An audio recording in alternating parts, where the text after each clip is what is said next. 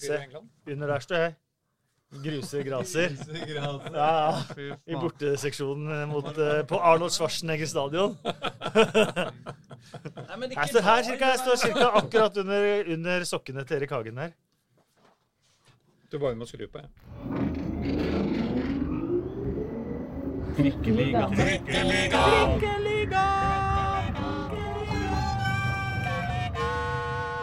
Mine damer og herrer og andre, velkommen til Trikkeligaen sesong 2, episode 46 har vi kommet til, Reidar Solli. Imponerende. I sesong På 2. så kort tid. Ja, det er helt utrolig. Og året er jo eh, knapt eh, tre kvart ferdig. Du, eh, dagens sending så har vi invitert en, eh, en Oslo-fotballegende, en superstjerne og sjølveste lyden av eh, Premier League, eh, nemlig Kasper Wikestad. Ja, Det hørtes først ut som han har spilt veldig mange kamper, men Ja, det har han vel ikke. Nei, det, men det er vi jo finne ut av, da. Og har jo til og med en bakgrunn fra denne avis. Ikke sant? Og fantastisk bredt blikk på både kultur og spill og klubber og det meste. Men det har vært så lite faktiske kamper i Oslo-fotballen denne uka, sånn at eh, det får vi komme tilbake til eh, all mulig gjennomgang. I dag blir det bare Kasper Wikestad fra A til Å, så heng med videre. Og så kommer det.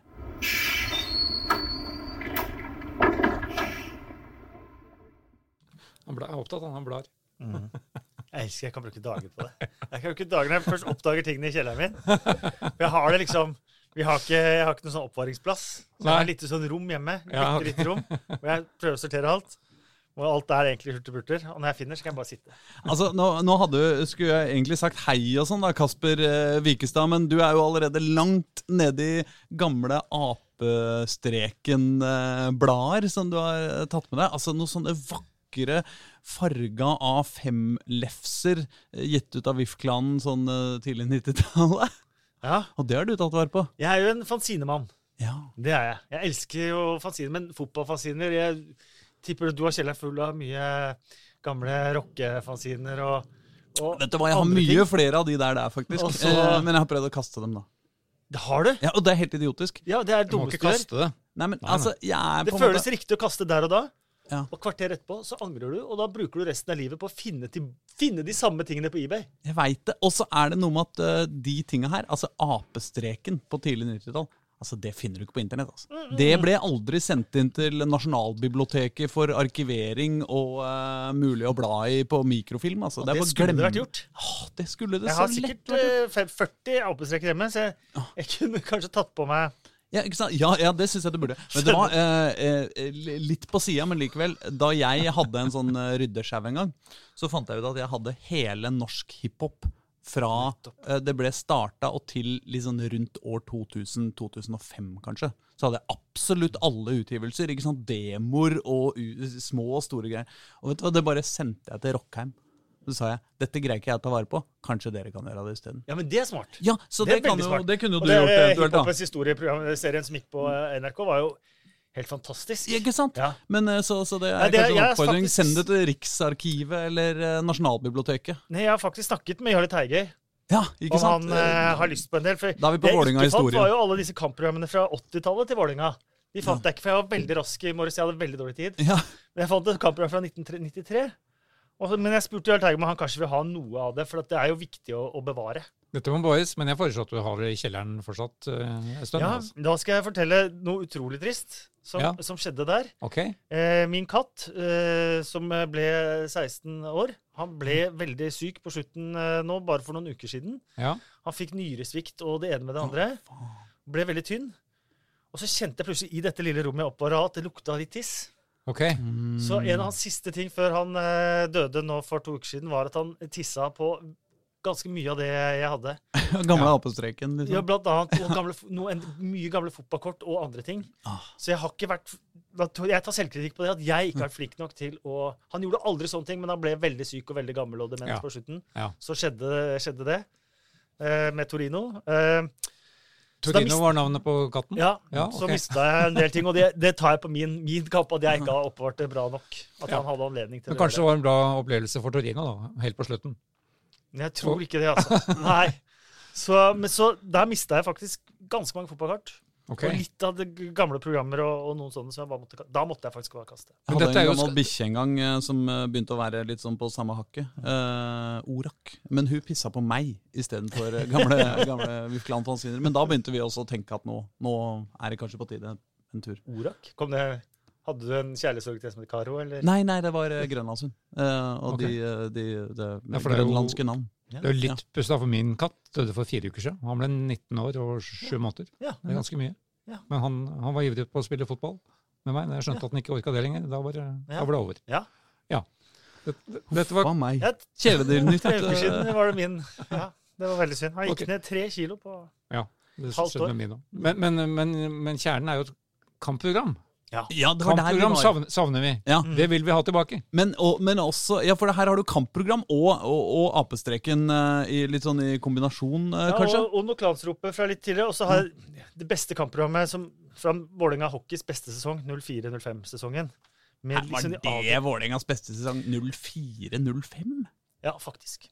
Det vil jeg si er kanskje kuleste sesongen i Vålerenga. Da hadde vi Scott Hartnell, Chris Mason, Travis Brigley, Makulda, pluss masse kule norske profiler òg. Ja. Eh, Øystein Olsen, eh, etc.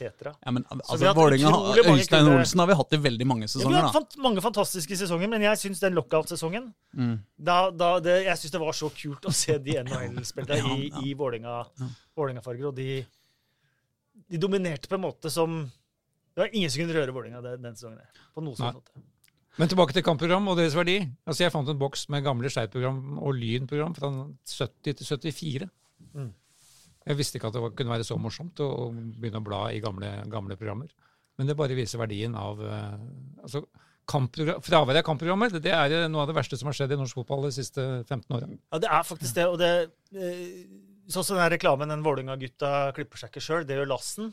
Som var alltid på baksida gjennom hele 80-tallet. Jeg er det var nabo med Lassen her, er det ikke det? Lassen Friske? Ja, ja, stemmer. Ja. stemmer. Um, så, så, så det henger igjen. Og Vålinga hadde jo da en periode på, på starten av 2000 hvor han hadde fantastiske kampprogram. Skal han måle seg med det beste fra, fra utlandet. Men veldig mange ting, eh, både i fotballen og andre steder, hvis du ikke ser pluss i bunnlinja der og da, så stryker du det. Mm. Og det er jo fryktelig trist. Mm. Eh, at man ikke ser verdien i, i hva det gjør med tilhørighet. Både tilhørighet til klubben, til laget, til eh, minnet, til kampen, til alt. Eh, som har en langsiktig verdi. Som jeg tror er ekstremt viktig, som jeg tror veldig ofte undervurderes. Ja. Men jeg syns også at noe av det som er det aller morsomste med eh, også, Nå kom det fryktelig mye. Det er, vi, vi har studio rett ved siden av regjeringskvartalet.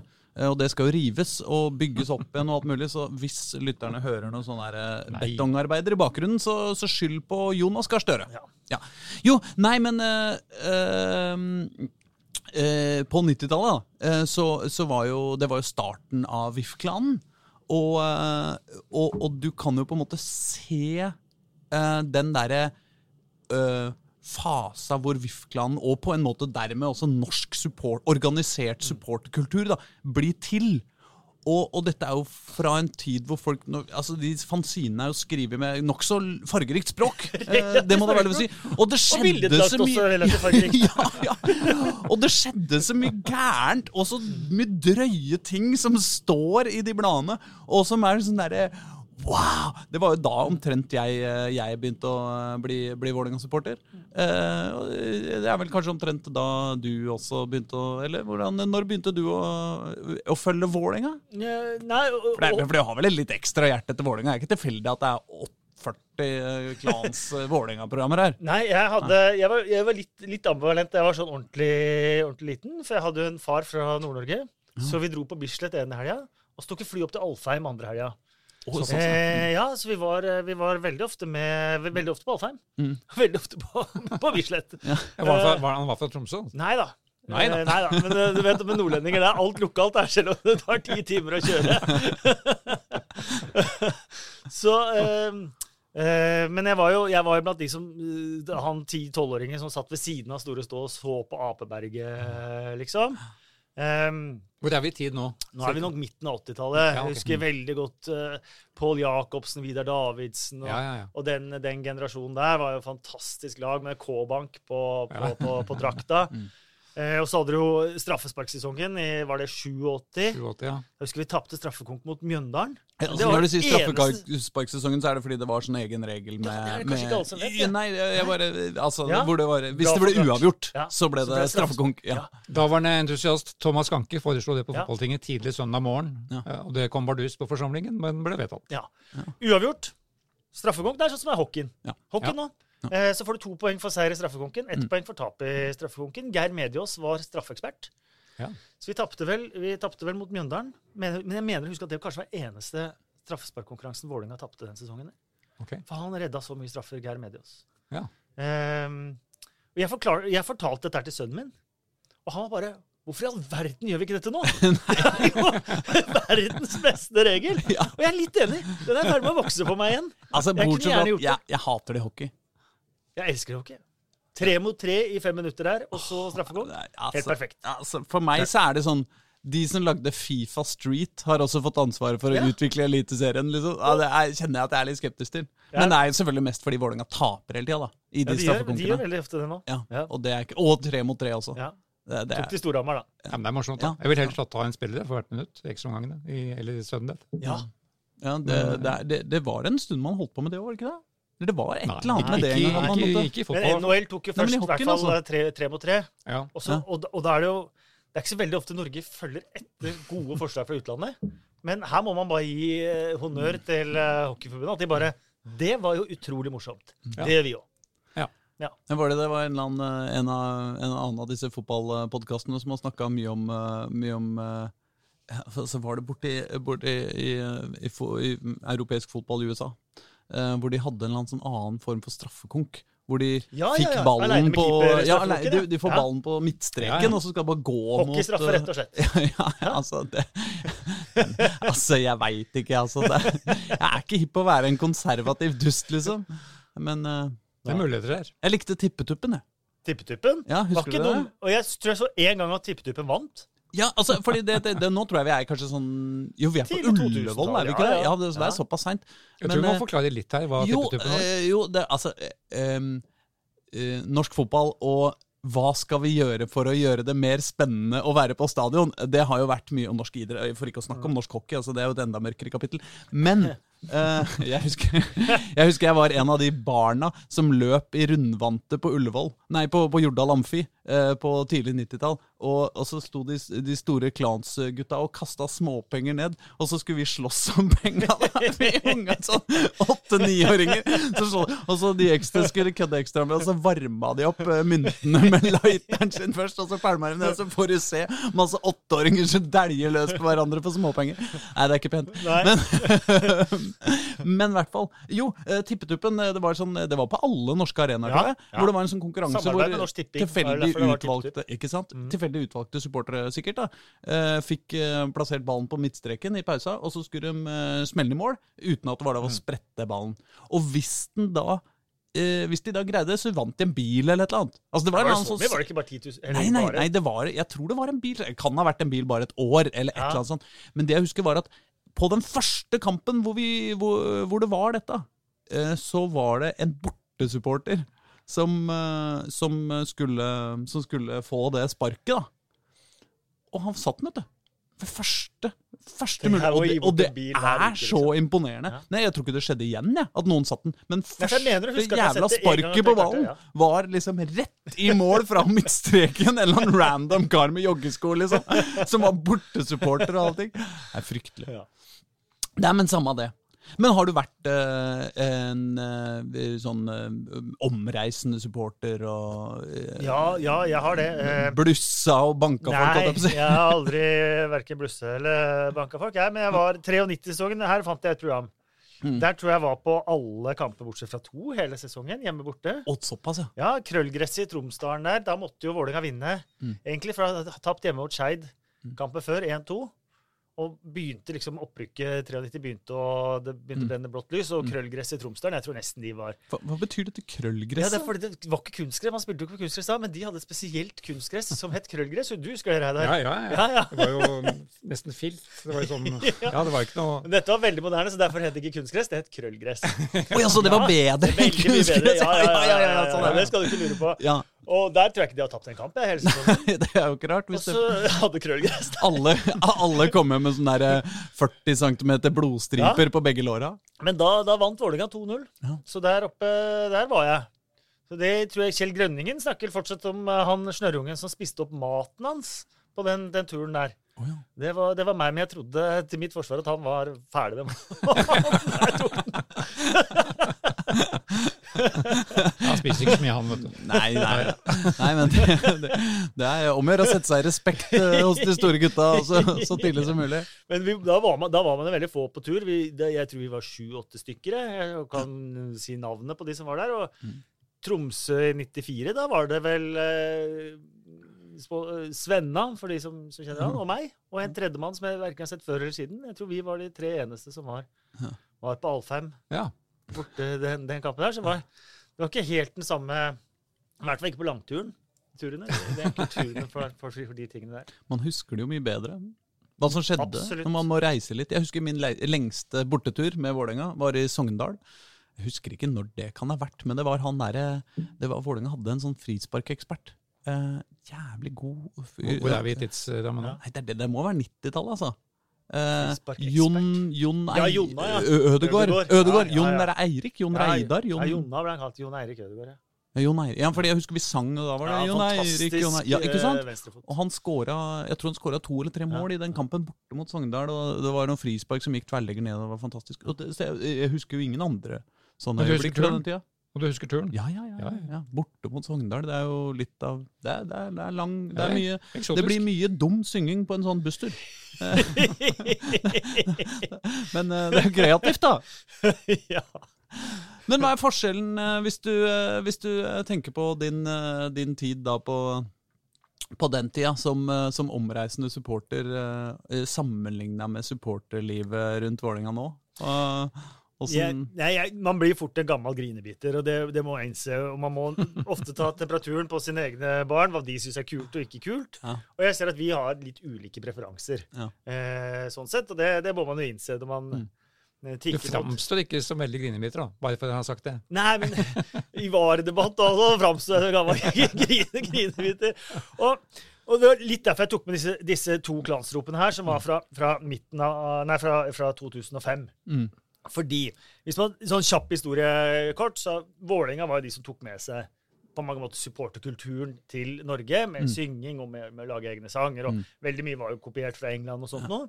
Og så kommer Lillestrøm ganske fort etter, og de kopierte mye av det Vålerenga gjorde igjen. Og så Mm. var, det, var det de to som, som holdt på. Og så tok de hver sin, hver sin retning etter hvert, Mm. eh, og ble to lokomotiv på hver, sine, på hver sin måte. Og Mm. Nå må jeg bare fremheve først at dette er min mening, og at eh, det er helt lov å være uenig. Og jeg, sier ikke at jeg sitter på fasit eller på, på no, noe andre ting på disse, disse tingene her, men, men de tok hver sin retning, og så, og så var det mange andre som kopierte det. liksom Rosenborg, Ålesund, Fredrikstad. Mm. Eh, mange av de har kjørt liksom Lillestrøm-varianten, og så Ja. prøvd å etterligne det Lillestrøm har gjort, med en forsanger som står med ryggen til, og med tromme, og med evighetssanger, og det som er mer kontinentalt, da. Ja, de sang Forsa Fugla, liksom. Det er en tydelig eh, referanse til Italia. Absolutt. Og så hadde du Vålerengas på andre siden, og så var jo Vålerenga veldig veldig langt framme i skoa på, på TIFOR og sånt nå. Det var ikke bare det, det, det var på en måte Det var intelligent, intelligent humor på tribunen, da. Mm. Eh, en av de beste TIFOene jeg har sett, var da i hele langsida på Ullevål ble, ble fylt med 'Mangfold kan ikke kjøpes mot, mot lyn'. Eh, hvor du hadde på en måte tegning av, av supportere i alle aldre og, og farger og, og kjønn og alt. Og så hadde du tre, tre veldig like Lyn-supportere med lynvimpel. Ja, og Eh, dress og slips og sånn, hele pakka sikkert. Ja. Ja. Eh, og mange sånne ting som var Mm. mye intelligent eh, TIFO, som var gjennomarbeidet, gjennomtenkt, eh, alt mulig. Mm. Og jeg vil si at mellom 2000 og 2010 så var kanskje eh, norsk eh, tribunekultur, norsk supporterliv, Mm. helt blant de fremste i Europa. Mm. Vil jeg faktisk påstå. Det var et enormt mangfold. Eh, klubbene hadde sine supportere med sitt særpreg. Mm. Eh, disse ulike grenene fikk ulikt særpreg i, i forskjellige klubber. Odd, husker du noe av det Odd holdt på med? Mm. Da de møtte Feyenoord i Europacupen med ikke. et banner Ja. We are Odd. Who are you? det er fantastisk. Ja, det, er, det er ganske genialt. Ja, og de hadde en utrolig fin en mot Vålerenga også, husker jeg. I bortesvingen, akkurat da, da, Erik Hagen hadde vært litt for langt frempå og sagt noe stygt mot ja. Vidar Riseth og sånt noe. Ja. Um, så hadde de et svært banner hvor det sto 'Klan Banan', 'Fighting Against Heavy Odds'. Og så hadde de ved siden av lista til Panser, hvor det med masse skriver var 'Blomster til Riseth', 'Pampers' Veldig mye. Så, så, hver klubb hadde på en måte sitt særpreg. Mm. Og så går vi nå 10-15 år fram i tid til, til i dag, da. Mm. Hvor, jeg, hvor, på en måte klanen, eller Vålerenga-supporten, man skal ikke kalle det klanen lenger, for det er jo 100 undergrupper, mm. eh, som på en måte eh, har blitt en litt sånn blek kopi av Lillestrøm igjen. Og det er kanskje å banne i kjerka å si det. Ja, det, det, men, men, det, er nok. Men, jeg sitter nå på kamp, og så, og så hører jeg eh, hjemme, hjemmeseksjonen til, til, venstre, og så hører jeg borteseksjonen til høyre. Um, og så Man hører ikke hvem som leder eller hvem som ligger under på synginga, for de synger stort sett de samme sangene til den samme rytmen. Mm. Og noen ganger må jeg si at jeg innrømmer at jeg har tenkt hvorfor bare står dere ikke og synger sammen, altså? Er, dere, dere, synger nøyaktig det samme. til de samme rytmene, og dere beveger dere likt. Og om det ligger under eller leder, det, er, det er ingen forskjell. Kjære podkastlyttere, det er Aslak her. Jeg må bare bryte inn et lite øyeblikk. For det Kasper Wikestad akkurat sa her, det har skapt litt oppstandelse på Twitter, og han har behov for å si noe om det som ble sagt her. Han vil rett og slett komme med en beklagelse. Jeg skal nå lese opp en liten uttalelse fra Kasper Wikestad før vi går videre. Det jeg sier i dette klippet, kontekst eller ei, er ikke greit. Jeg tråkka i salaten. Jeg legger meg langflat og beklager uten forbehold. Når det kommer til diskusjonen om tribunekultur i denne sammenhengen, må jeg også si det er ikke opp til en gammel grinebiter som meg å definere. Jeg kan mene hva jeg vil, men det er opp til dem som er på hver kamp, hjemme og borte, for å lage stemning, og også bestemme hvilken retning de vil gå, og hvordan de vil gjøre det. Og man skal i hvert fall ikke gå løs på dem som faktisk lager stemning og atmosfære. Uten dere hadde det vært dødt, og det riktige er å hylle dere for det. Verden går fremover, tribunelivet går fremover, og noen ganger henger man igjen i fortida, og ja, helt på jordet. Derfor sier jeg det nå. Dere som lager stemning både på Intility og andre steder rundt om, er uvurderlige. Dere har også definisjonsmakta, ikke jeg. Denne beklagelsen kommer uten forbehold. Så kan det sikkert sendes 100 Twitter-meldinger til om hvor håpløs uttalelsen var, men jeg håper likevel å slippe det, og at beklagelsen heller tas imot som den kommer her. Vi ses på kamp. Så da er det sagt, og så får uh, dere høre på resten av podkasten nå. Og så har da denne diskusjonen dreid seg om pyro eller ikke pyro, som mm. er en utrolig sånn forenkling. Jeg kan like pyro til, til noen ting, mm. men hvis det er TIFO, mm. og det er eh, definisjonen på god stemning eller ikke god stemning, mm. eh, om man har pyro eller ikke, og om det kommer like mye pyro fra samme farge både fra borte- og hjemmeseksjonen hva, hva, blir da vitsen, på mange måter, hvis, hvis, du skjønner hva jeg mener? Jeg skjønner hva du mener, men Er ikke pyro egentlig akkurat nå bare et uttrykk for å si øh, eh, nei til VM i Qatar, på en måte. Altså jo, nei, nei, Litt sånn overført betydning, altså, men eh, mot pampeveldet og mot uh, sjefen i Fotballforbundet som skal bestemme hvor, at pyro blir jo, bare en sånn måte å si dra er sånn latmannsmåte å gjøre det på, da. Mm. Men det er veldig enkelt å smugle med seg 20, 20 sånne stenger og så fyre opp de, ja, enn for eksempel å lage enorme Eh, tribunearrangementer hvor mm. man faktisk får sagt fram det du, mm. sier. For det du kan si mye om. Eh, og, og det, dette er også en del av den tribunekulturen. at supportere i dag er veldig bevisste, mm. eh, velartikulerte, står for noe masse godt, mm. og gjør, gjør, de viktige kampene der også, mm. som de kanskje ikke gjorde før. Mm. Som er et stort framskritt som jeg syns er veldig veldig imponerende å se supportere ta, ta leder, eh, lederfunksjoner i de viktige debattene i fotballen. Og det er mm. også en viktig del av det. Og det, mm. og det, og det går også på på tvers av klubbene. Og det, mm. det syns jeg er utrolig imponerende å, å være vitne til òg. Så, mm. så, det er veldig mye positivt, uh, positivt også. Men akkurat det derre uh, det, det, det, særpreget fra de ulike klubbene, det syns jeg i stor grad har forsvunnet. Og jeg syns det er mm. mye mindre humor mm. uh, enn det det var i gamle dager. Og igjen, kanskje fordi jeg er gammel grine, grinelytter og syns syns at de tingene var, det var morsommere, morsommere før. Og, og, jeg skjønner hvis noen reagerer på, på de tingene jeg sier og er klin uenig, og det er helt greit, for dette er ikke fasit, men dette er bare mer mitt, mitt inntrykk av utviklingen til, og, til tribunekulturen i, i Norge. Da. Men det er mulig vi har noe i vente da, på Intility. Altså, Vålerenga jobber jo med den, det som da blir norsk fotballs største TIFO-vegg på den foran supportertribunen. Ja. Hvor de lager, hvor skal lage oppheng, sier de. Og det er, dette har de jobba med i årevis for å få økonomi til, men det er ennå ikke klart. Men det er som du sier, altså, Ullevål fra 2005 til 2010 det var jo en egen ja. attraksjon i seg sjøl å gå på Ullevål og se hva var budskapet.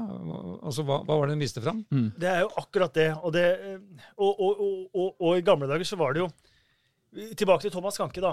Ja. Eh, starten på 90-tallet så hadde jo han Og det var i Arbeiderbladet. Eh, eller kanskje helt Dagsavisen allerede, allerede da. Eh, ikke så hadde han en dobbeltside eh, hvor han foreslo å slå sammen Vålerenga og Lyn.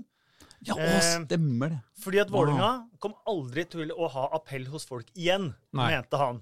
Eh, det kom ja. aldri til å fenge hos noen. eh, men der var jo akkurat supporterne som gjorde den forskjellen. Da. Mm. Og, og, så kom eh, opprykket i 93, eh, utvikla seg i 94, eh, spesielt 97-sesongen da de vant cupen og mm. rykka opp igjen. Eh, og da kom jo folk like mye for å se på klanen som å se på kampen. Ja. De var en enorm attraksjon.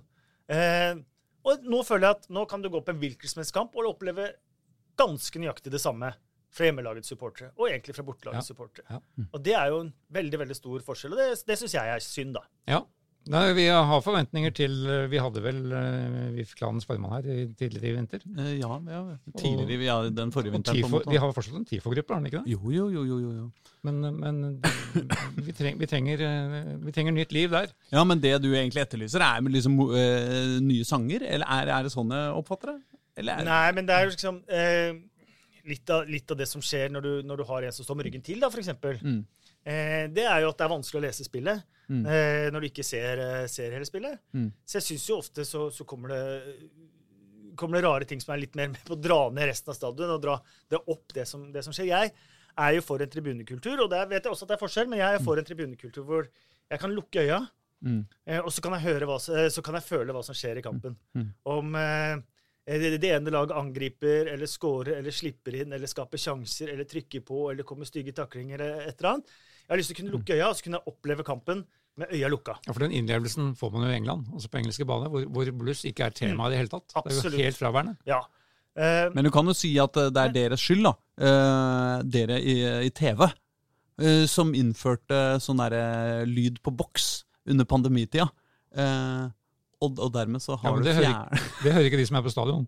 Nei, nei, nei, men, men, alle vi som sitter hjemme og som nå har sett engelsk fotball det siste året, altså fram til ja. under pandemien, da, vi har bare hørt sånn generisk tribunelyd ikke ja. sant? som kunne vært fra hvor som helst, og, og, som ikke egentlig blir på akkurat som det sier, da, som ikke påvirkes av spillets gang, egentlig. Absolutt, nå ble du flinkere og flinkere til å skru opp eh, og ned etter hvert når du fikk litt trening. Ja.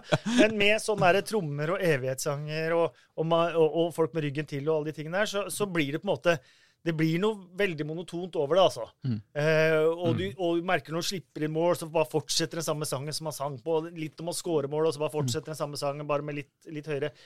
Eh, med den type ultras eh, kontinentale tribunekultur, så kan du på mange måter ikke lukke øya og så føle på mm. hva som skjer i kampen. Mm. Fordi at veldig mye er det samme hele tiden, da.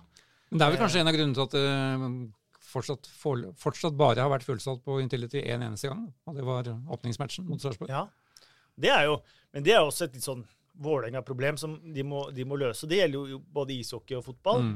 Eh, det har ikke vært over 4000 på nye Jordal eh, ennå heller.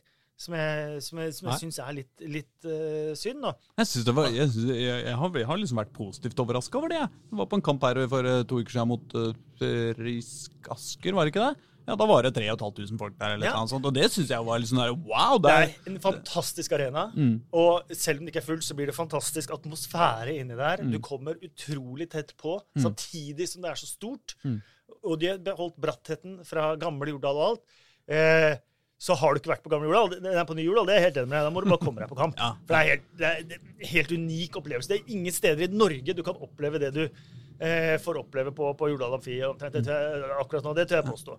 Så Derfor så er det synd at det ikke, ikke, er fullt der. da. Og det er litt det samme på, på Intility. at Man har jo drømt den der stadion på til, til stadion sin Freddy sa at han, da han signerte, så var det liksom med lovnad par, to år til, så spiller du på eget stad.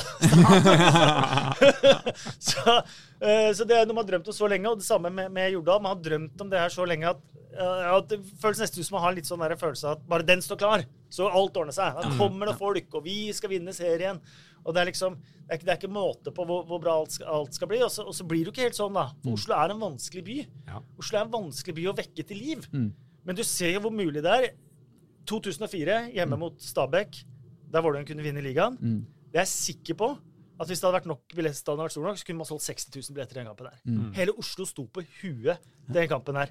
Den, eh, eh, og, og det er jo potensialet som ligger i Oslo, både for fotballen og for ishockeyen og for, for alt. At, at du ser jo daglig når du går rundt, du ser jo 100 biler med et Vålerenga-klistremerke i, i, i baki, men du kan bevanne deg på at de som sitter i bilene, sannsynligvis ganske sjelden er på kamp. Men det er latent. Ja, Det er veldig latent. Men du må treffe den, der, liksom, den strengen, da. ja, nettopp. Men du, vi må, vi må Altså, vi har så mye vi skal gjennom, Kasper, uh, i dag. Men jeg lurte på om jeg skulle eh, om, jeg, om vi skulle begynne akkurat her, hvor vi sitter nå. Eh, fordi eh, fordi eh, vi sitter jo altså i, i riktignok fysisk i Grubbegata, men, men i Dagsavisa i hvert fall. Og, og det er kanskje ikke alle som vet at du altså For du begynte egentlig karrieren di i Dagsavisa. Nei. Nei. Nå overdriver jeg. Men vi hadde den, jeg faktisk hadde den store gleden av å ansette den som sommervikar. Det var vel første gang i to, oh, ja. to somre. Jeg ja. Det tok det liksom for gitt at det, siden det var sommervikar, så var det liksom starten på et eller annet. Jeg Ja, jobba men i Tips før det. Men tips! Ja. det morsomme med Kasper er at det holdt ikke med én jobb. Han måtte ha to. Ja. Du hadde full jobb, og så Tre. måtte du ha tre jobber. Du hadde full jobb i tips, og så jobber du her som Ja, sommervikar? men De slapp meg for å være sommervikar, men jeg jobba som fotograf også i, i tillegg. Og det ja. begynte jo begynte jo der i, i digitalsport. For der jeg Ja. første gang traff Kasper, for vi engasjerte Digitalsport, som var firma hvor du jobba sammen med Morten Olsen, mm, ja. som nå jobber i Frihetsforbundet. Men du begynte som fotograf? Ja, ja. I media sånn sett, ja. Jobba i NRK før det. Ja, ja. Men det var som assistent og helt andre ting. ja. Ja. Og, men det var sport, det også? Nei. Nei, det var sport, Nei, så, du, så du var, eh, innen sportsjournalistikken så var det egentlig som fotograf, da. Og det starta. Ja. Mm. Og så kom du hit i 2009, det store lykketreffet. Å ja, Og 2010. 2010. Ja, nei, du er jo godt voksen på dette tidspunktet. Å, godt voksen. Å, jeg tenkte Ja, du var eh, ung og lovende, jeg, da. Jeg er fortsatt ung og lovende, vet du, selv om jeg kikker mot 50. Sjøl om du har rant som hvor bra det var i gamle dager. Ja, det er sant, der røyk Unge lovene. lovende. Her og nå. Fra Unge lovene lovende til gammel grinebiter. Ja, men det kan, det kan skje veldig plutselig. Det kan skje veldig plutselig. Jeg husker da, om det var ni eller ti, men jeg husker også at Simen Samson Møller var jo så vidt innom her. Han, Ja. han, han leverte litt i kultur, husker jeg. Ja. Og så var det vel i 2010, sommeren da, at du fikk da telefonen fra TV 2, som Ja. da gjerne ville prøve deg. Stemmer. Og det var jo- 2010 begynte jeg i TV 2. Og det var jo et eh, Ja, det er veldig morsomt sprang, da. Og vi ser åssen det er gått. Så, og nå, men nå er du da i, over i noe helt annet. Det vil si, Ja. du er det ikke, men du har bare skifta kanal. Men for du har, vært i TV 2, har du vært i TV 2 helt siden da, og til nå? Ja. Til du plutselig bytta til Nent? ja. Ja. De er jo veldig glad i engelsk fotball. Mm. Jeg er jo det. Det er jo noe med. Altså, det bare slo meg at det er en sånn sammenligning der mellom eh, når de privatiserte toga. Og så- de er jo dratt til Vy. Eh, ja, nei, men ikke sant, så har du eh, NSB kjører Sørlandsbanen, som var situasjonen før. Så skifter NSB navn til Vy, det er noe så. Og så privatiserer de eh, linja, og så er det da et annet selskap, et engelsk togselskap, som vinner Sørlandsbanen. Eh, men det de i praksis gjør, er jo bare å sette på nye klistremerker og, og, på de samme toga. Og det er de samme folka som kjører de samme toga på de samme strekningene, men bare under et annet navn. Er det litt som med fotballrettigheter? At liksom når, eh, når eh, TV, eh, Premier League eh, bytter, så er det bare ja, ok, da må alle bare okay, over til den nye sjappa, liksom. Det er noe. Eh, det er det jo, men jeg tror eh, alle også er veldig bevisst på at det ikke skal være sånn. Ja. Eh, jeg husker jo det godt da, da TV 2 fikk, fikk Premier League. Så ville de jo hente et par ukjente stemmer Mm. som de hadde tro på at kunne bli veldig bra. Mm. Eh, og jeg var en av de. Ikke sant? Og, og, og, og det tror jeg er helt sånn viktig å tenke at noe etablert, og noe som folk kan kjenne seg igjen i, men også noe nytt, og gjøre ting på andre måter, og nye stemmer, og nytt lydbilde, og alle sånne ting, at det er viktig. Mm. At det ikke bare blir, eh, blir logoen i hjørnet som er, er forskjell. Og det, Ja. det har jeg vært veldig bevisst på f.eks. når jeg begynte å kommentere hopp i TV 2. Jeg skal kommentere hopp for, for Nent òg. Mm. Eh, så har jeg lyst til at lydbildet skal være noe annet enn det man har blitt vant med fra NRK. Ja. Eh, og at jeg, jeg, du skal høre at du er på en annen kanal i NRK. Du skal ikke bare se at det er logoen i, Mm. i hjørnet som er, som er ulik, men at, men at jeg gjør ting på, på, på en annen måte.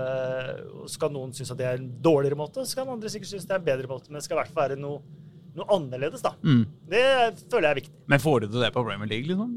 At det, Nei, jeg kommer til å høres ut som meg. eh, Ja, skulle nesten tro det. Abonnent, Ja. Ja. Mm. Det blir nok veldig mye det samme. sånn. Det er ikke som du Men- pitcher opp stemmen ned et hakk eller men, ned opp men det kommer nok helt sikkert nye stemmer inn som er uh, veldig, veldig gode. Ja. Det gjør det. Mm. Uh, og det gleder jeg meg til å både høre og bli kjent med. og alt det. Men er det veldig annerledes? Altså, TV 2 har man liksom et sånn, litt sånn mer fysisk forhold til. De har liksom de der lokalene sine borti Karl Johan. De tenker liksom, de holder til her og der i det Bergenskontoret. De har veldig sånn altså Kanskje litt sånn tydeligere bevissthet også hos folk, i hvert fall som ikke er eh, fotballfanatikere. da. Eh, mens Nent er liksom litt mer eh, uhåndgripelig for, eh, for meg, i hvert fall. Jeg, jeg tror nok folk må, eh, må endre den tankegangen, og du også, i løpet av denne vinteren. Jo, men altså, at, jeg aksepterer jo Nei. virkeligheten som den er. Altså, Nei, nei, så det er at det Nå er det jo første gang hvor, eh, hvor NRK ikke har vintersporten annet enn eh, skiskyting de deler med TV 2. Mm. Også enkelte renn i hopp, alpint og, og langrenn og, og sånt noe, men veldig få.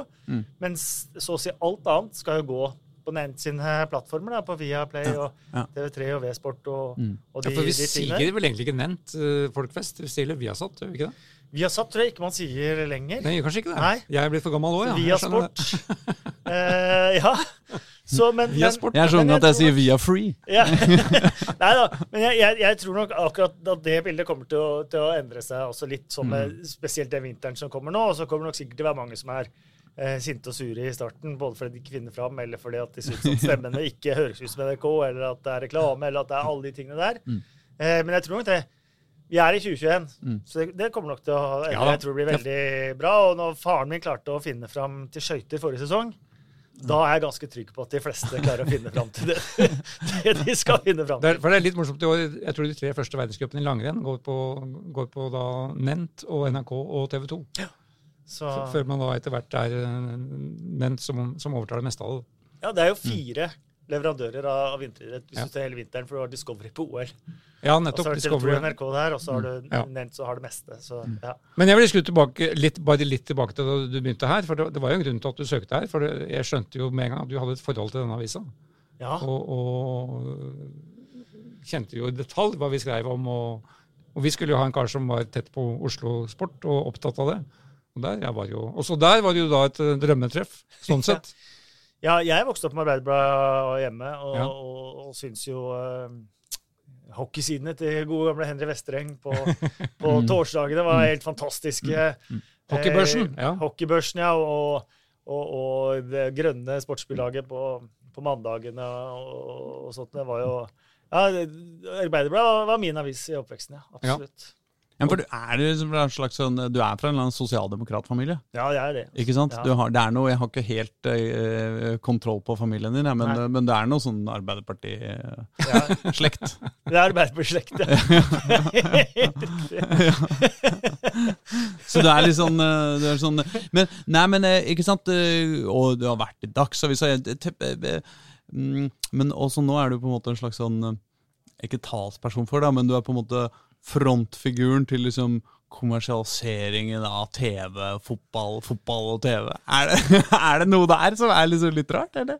Nei, men jeg, Jeg skjønner jo selvfølgelig at, du, at du, det ikke er ditt ansvar hvor lange reklamepausen er på TV, og hvor kort pausepraten er, og bla, bla. Det skal jeg ikke holde deg ansvarlig for, altså, men det er jo kanskje litt øh, Nei, men jeg, jeg, jeg tror på en måte at eh, folk legger også merke til at, uh, at jeg er opptatt av, av det som er røttene, det som er det grunnleggende, og det som, det som, det som Mm. på en måte er historien av ting. da. Mm.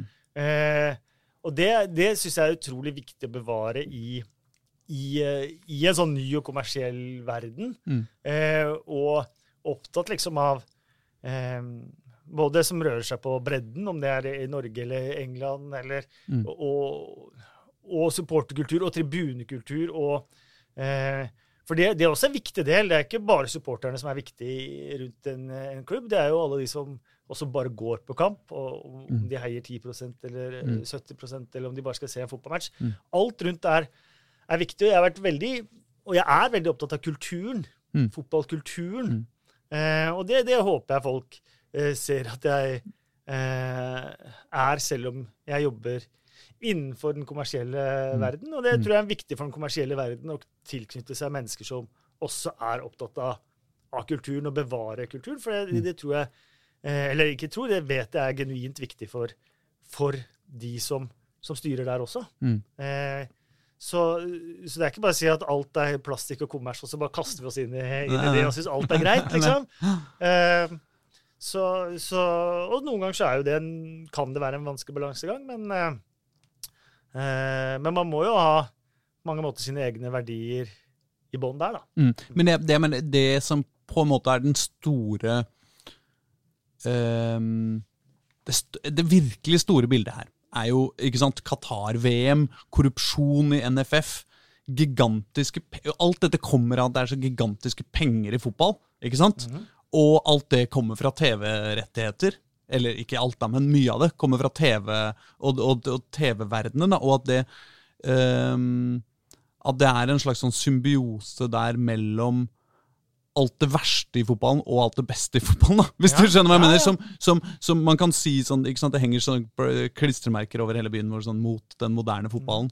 Og eh, eh, det er på en måte litt sånn Det er jo eh, litt fælt slagord på en måte, men også Jeg skjønner jo veldig jeg, Absolutt. eh, Ikke Ja, sant? Eh, um, Du har ikke sett en klistremerker mot den moderne fotballen? det er bare fordi du ikke ser på klistremerker på veggene. Nei, det gjør jeg ikke. Eh, Og lyktestolpe på det. og lyktestolpene. Men, nei, men ikke sant, det er jo noe der at man, man eh, som når man bryr seg om fotball, og når man lager ting som har med fotball dekker fotball og alt sånt, så, har man jo, så, så er man jo på en eller annen måte med på den dansen som Mhm. Ender i Qatar. Absolutt. Og det er jo noen dilemmaer der, sikkert. Absolutt. Eh, masse dilemmaer der.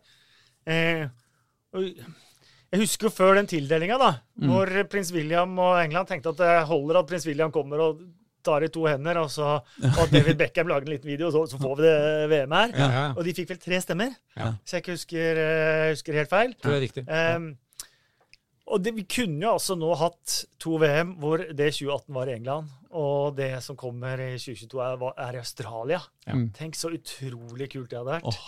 Um, eh, og, og, og, og det samme gjelder jo på mange måter i, i Premier League og, og, også. Det Mm. det er kommet Mm. interesser inn der. Og, det, Mm.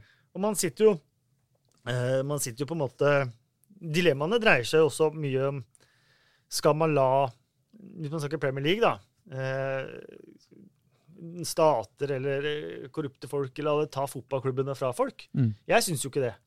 Eh, så derfor så har jeg aldri Jeg, sy jeg syns ikke det var greit å se alle folk som feira og sånt, noe, den saudiarabiske overtagelsen. Men, eh, men jeg har full forståelse for alle de som sier jeg skal fortsatt holde med Newcastle. Mm. For det er klubben og laget og byen jeg har vokst opp i. Mm. Eh, det, og det er, jeg syns det er stor forskjell mellom de, de to tingene. Mm. Jeg skulle heller sett at Norwich spilte eh, på Biggleswade-nivå framfor å ha saudiarabiske eiere. Mm. Eh, men hadde de fått saudiarabiske eiere, så tror ikke jeg at jeg hadde sluttet å holde med Norwich likevel. Eh, men jeg hadde ikke, jeg hadde ikke feira det. Eh, så det, det, er jo, det er jo dilemmaer, det der, og det er på mange måter eh, sånn fotballen tas vekk fra folk. da. Det er jo ved at eh, man tillater at stater eller man tillater at korrupsjon eller man tillater eh, at folk som ikke har hederlige hensikter, får lov til å, å, å, å både kjøpe og involvere seg og styre fotballen. Mm. Og det er jo utrolig trist. Mm. Eh, men på, under det nivået da, så finnes det jo en fantastisk skog av utrolig mye, mye fint, og det gjør det i Premier League eh, også. Jeg er også opptatt av de, de historiske linjer. Jeg syns jo det er et eh, morsomt paradoks at det var AUF som tok initiativet til opprettelsen av Norsk Tipping. Ja. Så, som da, den, den, den, Første ideen til Norsk Tipping kom fra AUF, og det var Arbeiderpartiet som tok det videre. Og så har jo, Du snakker om Fifa, og vi snakker jo også om Og tippetuppen, ikke minst. i, i, i, i tippetuppen, ja. og som IOC, som er det samme bildet blitt, liksom. Korrupsjon og bare mas. Og Oslo, OL kunne jo vært i Oslo om et par måneder. Det har jo ikke vært i Tromsø i 2018 nå. Ja, det kunne også vært. Ja. Og da så jeg i dag, i dag, for å være helt fersk, at uh, Mina Gerhardsen ble da, ble da leder av den komiteen som nå skal utrede om, om Norge skal søke et, et nytt OL. Mens det var da hennes bestefar. Da tre, tre mann satt på, i 1946 og bestemte at Oslo skulle ha OL i 1952. Så det er noen linjer her som er spennende. Men det er jo akkurat det også at, em, at vi klarer liksom å bli uenige mellom Oslo, Trondheim og, og Tromsø. Jeg var for OL både i Tromsø, Trondheim og Oslo. Jeg bare hadde fått OL til Norge. Jeg, hadde, jeg var 18 år da det var OL på Lillehammer, og syntes det var to helt ufattelig fine uker. Mm. Eh, var der oppe nesten, nesten to uker sammenhengende. Eh, og jeg skulle så gjerne ønske at eh, mine barn fikk oppleve det før de blei voksne. Mm. Et, et OL på hjemme, hjemmebane. Jeg irriterte meg ekstremt over den debatten der, både om hvor storslagent ting skal være, for det trenger det jo absolutt ikke være. Mm. Men også det at nei, Trondheim de unner ikke Tromsø et OL, Tromsø unner ikke Oslo et OL, og Oslo unner ikke Trondheim et OL. Det blir helt latterlig Mm. for meg. For det viktigste hadde vært å få Og jeg, jeg tror det er måten å redde OL på. Det er OL i Korea. Mm. Jeg tror jeg er første OL jeg ikke har klart å følge sånn ordentlig med på. Jeg synes det bare det gikk over en sånn golfsump. Langrenn, ja, 17 ganger ja. eh, før de gikk i mål. Uten publikum og med storm i kastene og lett regn. Mm. Jeg klarte ikke å si at det var større enn eh, eh, det som skjer på Beitostølen i, i sesongkjøringa. Jeg, synes, jeg klarte ikke å se forskjellen på det. Og det er utrolig trist når OL-ene skal, skal bli sånn. Og, og når man snakker om Qatar, og kan snakke om Beijing også, hvor Mm. i, i, i 1945 kunne man si at man ikke visste når det kom til konsentrasjonsleirer og sånne ting. Det kan vi ikke nå. Eh, vi vet hva som skjer, Mm. liksom, og, det, og likevel. Mm. Så, nei, så det, er, det er mye greier. ja, men, det er, det, men så kan man jo ikke ikke sant, man er jo, altså, på, en, på en måte så er det jo liksom noe med at man, man kunne si som et rent og rankt menneske, så, rakt menneske, så kunne man liksom bare Nei, jeg slutter å se på fotball. Mhm. Man kan jo ikke det heller. Det virker jo ikke. Nei, men jeg synes jo det da hvis, hvis man lar alle de kreftene gjøre sånn at man skal slutte med alt, så, så er det de Mm. som har vunnet. Da, da, Mm. eh, da har de tatt det vekk fra oss. Og, og jeg syns jo idrett og fotball og alt det tilhører hvert enkelt menneskes forhold til, til den idretten eller til den klubben eller til, til det. da. Det er jo det som skjer i hjertene til mennesker. Det er, de som, det er der klubbene og, og idrettene og prestasjonene hører hjemme. da. Mm. Det er der de er. Det er der de lever.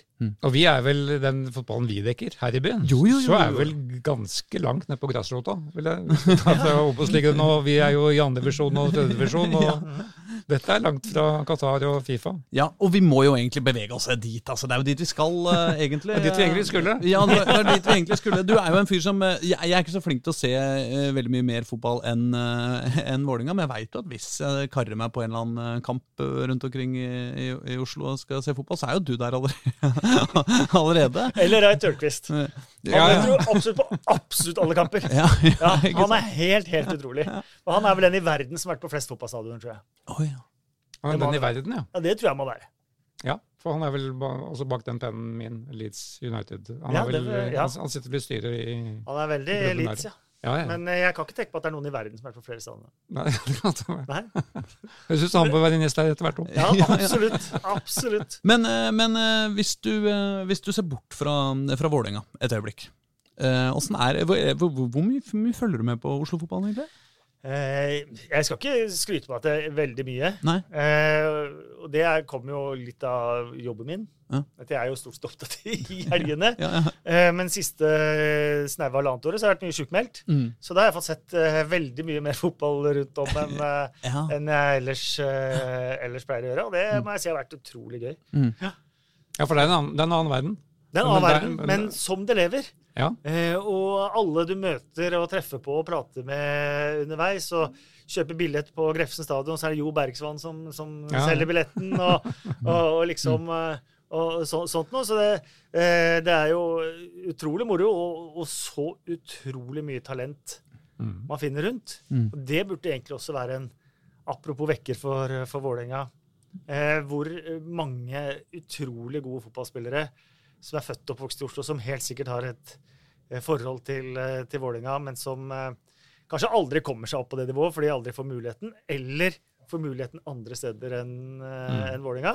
Mm. Eh, så nå ser jeg de har ansatt en, en, en speider også i, i Vålerenga. Jeg håper at fokus vil være på at man signerer en dritgod fotballspiller om han er 26 år, 24 år og ikke har et navn noen kjenner til eh, framfor at man signerer et stort navn som, som var god for, for tre år siden et eller annet sted. Mm. Det, det håper jeg. Mm.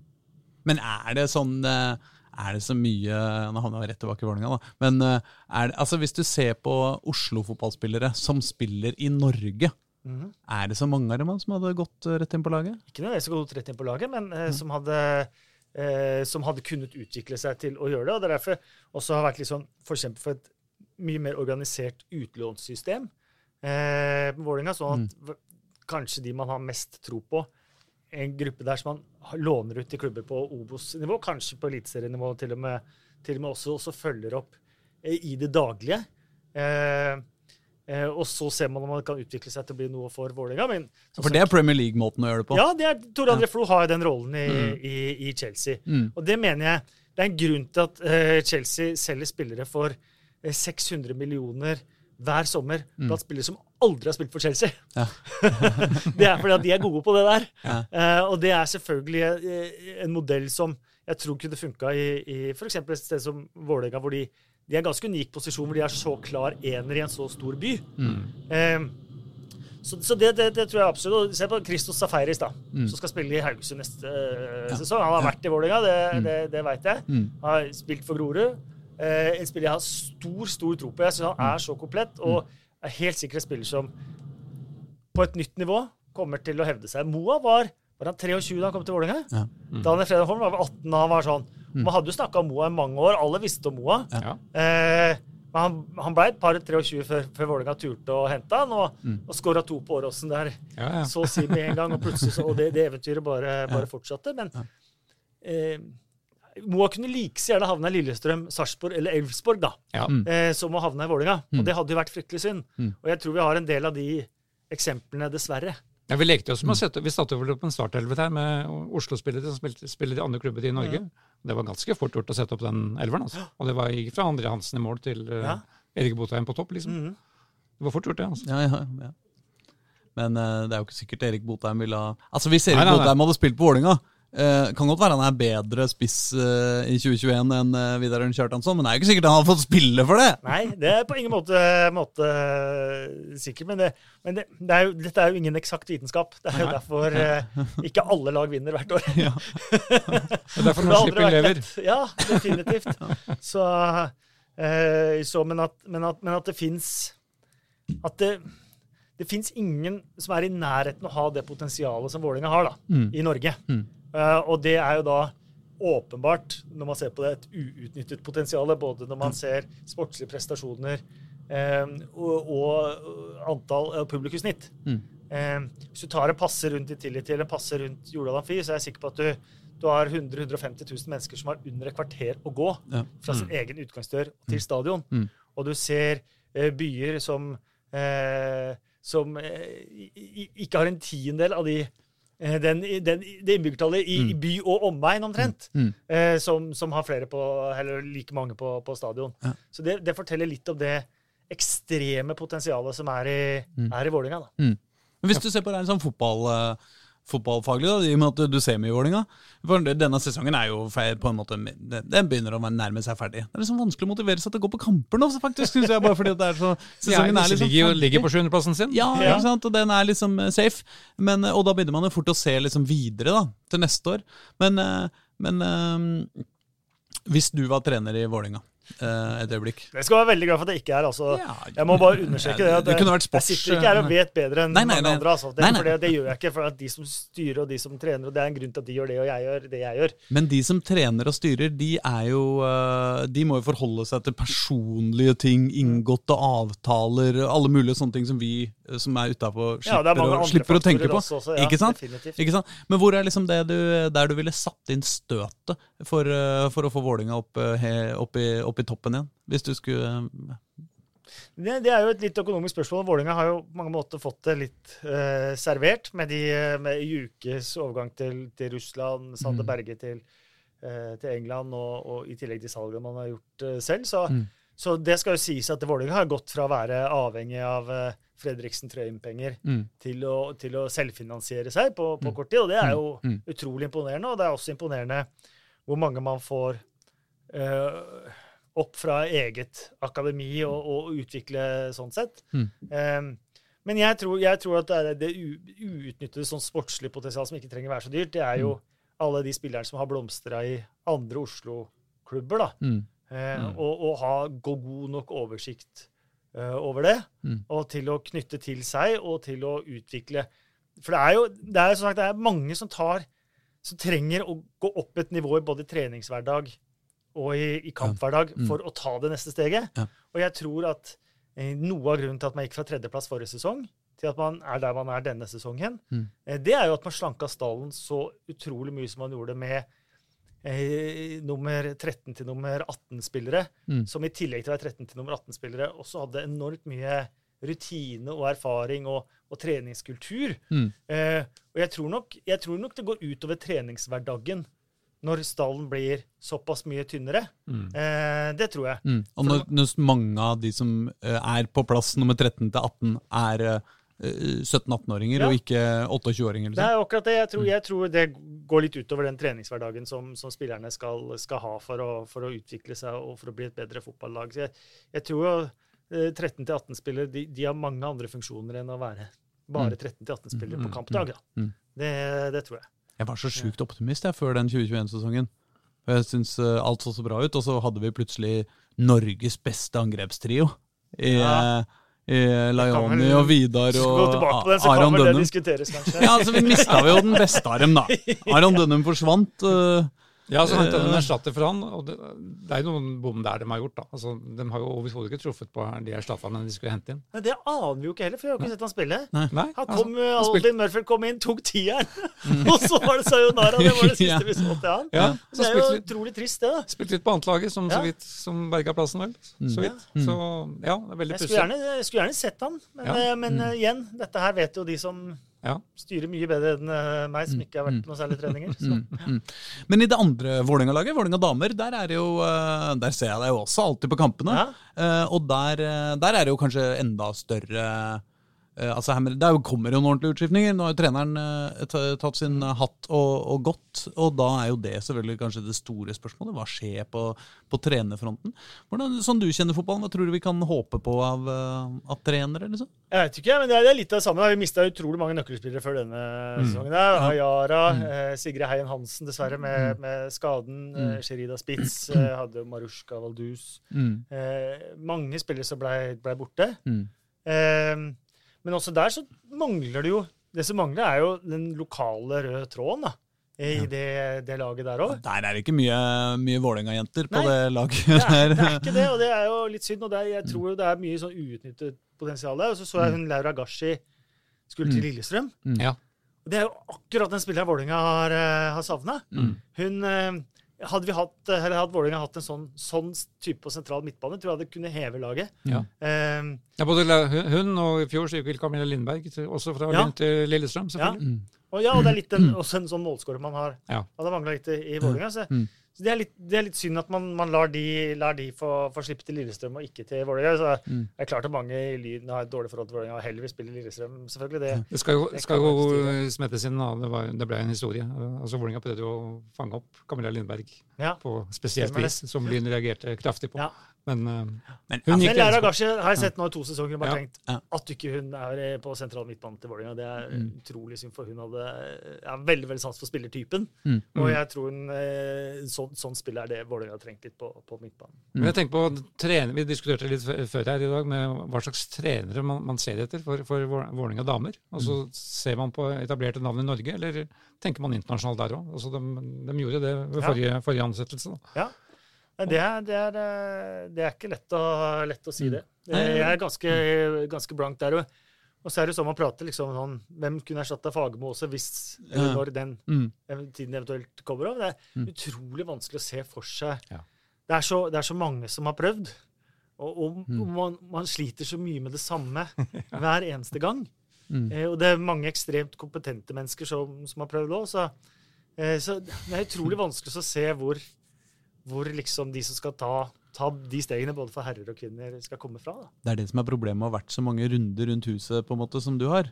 Altså, man har, man har det, det, Når man er ung og fotballsupporter, da, så, eh, så, eh, eh, så tror man jo at dette skal vokse inn i himmelen. Det tror man jo med alt man driver Ja, ja. når man er ung. Enten det er musikk eller politikk eller hva det er, Ja, så tror man at liksom det er bare Nå er det bare videre oppover og framover, og så skal Ja. vi ta over verden. Og så viser det seg at eh, man skal jo ikke det. Nei. og i hvert fall hvis man gjør det, så, så, så blir, man ikke, blir man ikke sittende der oppe eller særlig lenge. Men jeg tror vel et, et, jeg tror vel Fagermo sitter der en god stund til. Det er jeg nok eh, ganske sikker på at han, eh, han gjør. Og, um, og, og på mange måter typemessig så er han jo helt riktig og klar, tydelig, setter krav til omgivelsene. Også stort arbeidsfelt hvor han kan ta ansvar også utenfor sitt eget trederansvarsfelt og sånn også, og, og gjøre kokkene færre sånn sett òg. Mm. Eh, så så det, absolutt, det, det tror jeg nok. Og du får ikke sparken eh, når du får sjuendeplass i Vålerenga, men eh, du blir heller ikke headhunta til større jobber. Så Nei. sånn sett er det trygt og godt, da. Kristoffer Hestad Kristoffer Hestad. var den perfekte, perfekte eliteseriespilleren. Var helt, sånn, helt blant de beste i Eliteserien, Ja. men ikke helt der hvor, uh, hvor han ble henta ut til, til store klubber. Det er så trist, vet du. De som blir henta opp til store klubber, og så Det var feiler. vel og så- tilbakespill, var det ikke han han I? Wiggen, ja. Jo, jo, ja, ja, jo, ja. det er sant. Han hadde den ene. Ja. Er det historien om Aron Dønnum òg, eller får vi han eh, Kommer Aron han Dønnum var det ikke en sportsdirektør som eh, signerte Aron Dønnum litt over hodet på trener der nede? Ikke sant? Tenk så deprimerende om den spilleren som bare danser forbi alt og alle i hele Eliteserien, og så går han til liksom eh, Det er Belgia, ikke det? Ja. Og så bare Jeg får to innhopp og ferdig med. Men det kommer seg. Ja, han var jo, han spilte jo her om dagen Ja. og skåra mål og, og, Skårte sitt første mål, ja. ja. Nei, Vålerengas mest sånn um, Ja. Det er jo Osame som er yndlingen i VIF nå, som er artisten. Mm. Skåra forresten, var vel matchvinner for U21-landslaget så i, mm. i går, i Baku, av alle steder. Så ja, der har jeg vært. Det er jeg òg. Interessant by. Jeg lurer på om vi skal komme oss videre til innsendte spørsmål, for det har vi nemlig en god del av. og Vi har jo snakka en stund allerede, så vi må jo, må jo rekke det òg. og da uh, tror jeg vi skal begynne på følgende personlige lille frekkhet uh, fra, uh, fra Arbeiderpartipolitiker Andreas Halse. Ja. Men også fast lytter av podkasten, Ja, Andreas Halse er en fin fyr. Ja, ja, ja. ja. Eh, hvordan var det å komme fra helt til toppen av Holmenkollen og begynne å stå med klanen i 1992? Ja, jeg begynte jo det litt, eh, litt før, og så Min mor er jo eh, Holmenkollen, det er helt sant. Min far flytta mer rundt i ulike kollektiver på, på østkanten. Oh, ja. Ja, så jeg var litt sånn revet mellom eh, begge deler, sånn sett. Men eh, det gikk veldig fint. Jeg var litt han den, gikk jo på veldig vestkantskoler og sånt, og var i de kant som kjørte hockeylokkene til Chris Waddle, og, og kanskje hadde en brekt mersestjerne på, på jakka der. Så, så sånn sett så kan du si at eh, eh, Ja, faktisk, jeg var på et nachspiel på Blindern studenthjem eh, en gang. Mm. Nå har jo dette typisk blitt eh, 20 år siden eh, det òg. Mm. Men der møtte jeg en som gikk i parallellklassen min på denne vestkantskolen. Mm. Og jeg huska igjen han. Han huska ikke igjen meg. Så ble det sånn var, ja. Og så var det til slutt Å ja! Det stemmer, det! Det var du som hadde en mor som stemte Arbeiderpartiet! så, så, så sånn kunne det være på vestkanten. Ja, ja. Ja. Du har lært hele Oslo å kjenne. Mm. Det er fordelen da, Ja. med den veksten. Jeg føler, Kan vi ikke bare si 'right back at you' til innsenderspørreren? Det lurer jeg på, men det er en annen ting. Um, uh, men han Men har jeg, jeg hadde Andreas Andreas var med på sin aller første bortetur. Ja. Da ble han dratt ned med meg. Ja, Det var Tønsberg 93. Da Vålerenga rykka opp og vant eh, 1-0 der. ja. Ja, så det Men da må er, nesten du forklare hvem Andreas er, da, for han kjenner jo du i Nei, men jeg, jeg fortalte, Han er Arbeiderpartipolitiker ja. Ja, ja. på rådhuset. Han er jo Ja. gruppe, gruppeleder nå Ja. i Oslo. Så han er så på en måte Oslo Ja. Arbeiderpartis uh, tredje mest nektigste mann, eller noe sånt. sånt. Ja. Ja, bra. Slik er det blitt. Ja, det må jeg si. Men han har flere spørsmål. Eh, han eh, spør Du har sett mye obskure spillere prøve seg for Vålerenga. Hvem er tre på bånn? Ja, jeg prøvde å titte på det, og så, og så, og så titter jeg. Og så uh, merker jeg uansett hvor gode eller dårlige jeg har vært, Mm. så har jeg en eller annen sånn Jeg er litt glad i dem. Ja, Ja. Uh, på mange måter. Eh, Dorian Stefan ja. er jo en legendarisk historie. Det For, ja fortell om han. Ja, det, det, det var oppdaget en veldig god dette er, dette er jo, hva heter det Eh, Ikke en vandrehistorie, men en sånn eh, urban legend. Ja. Eh, Som historie stemmer ikke, det Mm. får andre ta, ta stilling til. Men man hadde hørt om en utrolig god Dora Stefan nede i, nede i Romania. Mm. Og man sendte en delegasjon på tre mann fra Vålerenga ned til Romania. Og de kom tilbake med en Dorian Stefan. Mm. Eh, men det gikk vel fort opp for folk at det var feil. Dorian Stefan. Vi fikk med Dorian Stefan, som vel aldri hadde spilt profesjonelt. Han var nærmere 40 år. Eh, Det var han med skinnjakka, det var ja, og han, eh, jeg, har, jeg har faktisk bilde av han fra eh, Jeg har faktisk bilde av han på telefonen. Eh, så så, så da, ble, da ble det feil Dorian Stefan eh, der. Han, ble- han skåra noen mål for andrelaget, og jeg tror det var første gang han levde av å spille fotball. Tror jeg kanskje var, eh, var der. Um, og det var litt det samme med Milos Mirkovic. Der har du bilde av Dorian Stefan, for de lytterne som ikke får sett det. Så Um, Ja, det, ja. Han ser jo ikke helt ut som, eh, som en uh, prototypen på en liksom ung og lovende fotballspiller. Nei. Yrke teknisk ingeniør. Vi kan prøve å poste det bildet da, vet du, på Twitter. Når eh, Eh, eh, minner folk på han. Milos Mirkovic var litt det samme. Mm. Bortsett fra der var det vel en U21-landskamp hvor det fantes to Milos Mirkovicer. Ja. Så man fikk jo med seg en U21-landslagsspiller som het Milos Mirkovic, Mm. men ikke kanskje han Nei. Ja. som var den gode av de. Mm. Og han fikk vel da spilte vel med Godset, ble utvist, og det var vel det første og det siste han gjorde med Vålinga. Mm. Ellers så var jo ø, forventningene både til Arild Tønnesen, som hadde skåra en del mål i start, de var store. Ja. Han skåra ikke noe mål i Vålerenga. Nei. Eh, Det har hørt historien før. Nei. Tobias Gran. Nei, men du har hørt historien om Ja, ja, ja. ja, sånn, ja. Ja, ja. Ja, ja, ja. forhåpninger til som har skåra mye andre steder enn i Vålerenga. Ja. Tobias Gran debuterte borte mot start med to mål og to målgivende, og vi vant 7-2, tror jeg. Mm. Så det var jo ikke måte på hvor god han skulle bli. Betydelig selvbilde, husker jeg. Ja, absolutt. eh, hva var det, var det Berre eller Fredrik som sa at vi har stor takhøyde i Vålerenga, men det blir vanskelig når noen setter seg oppå taket.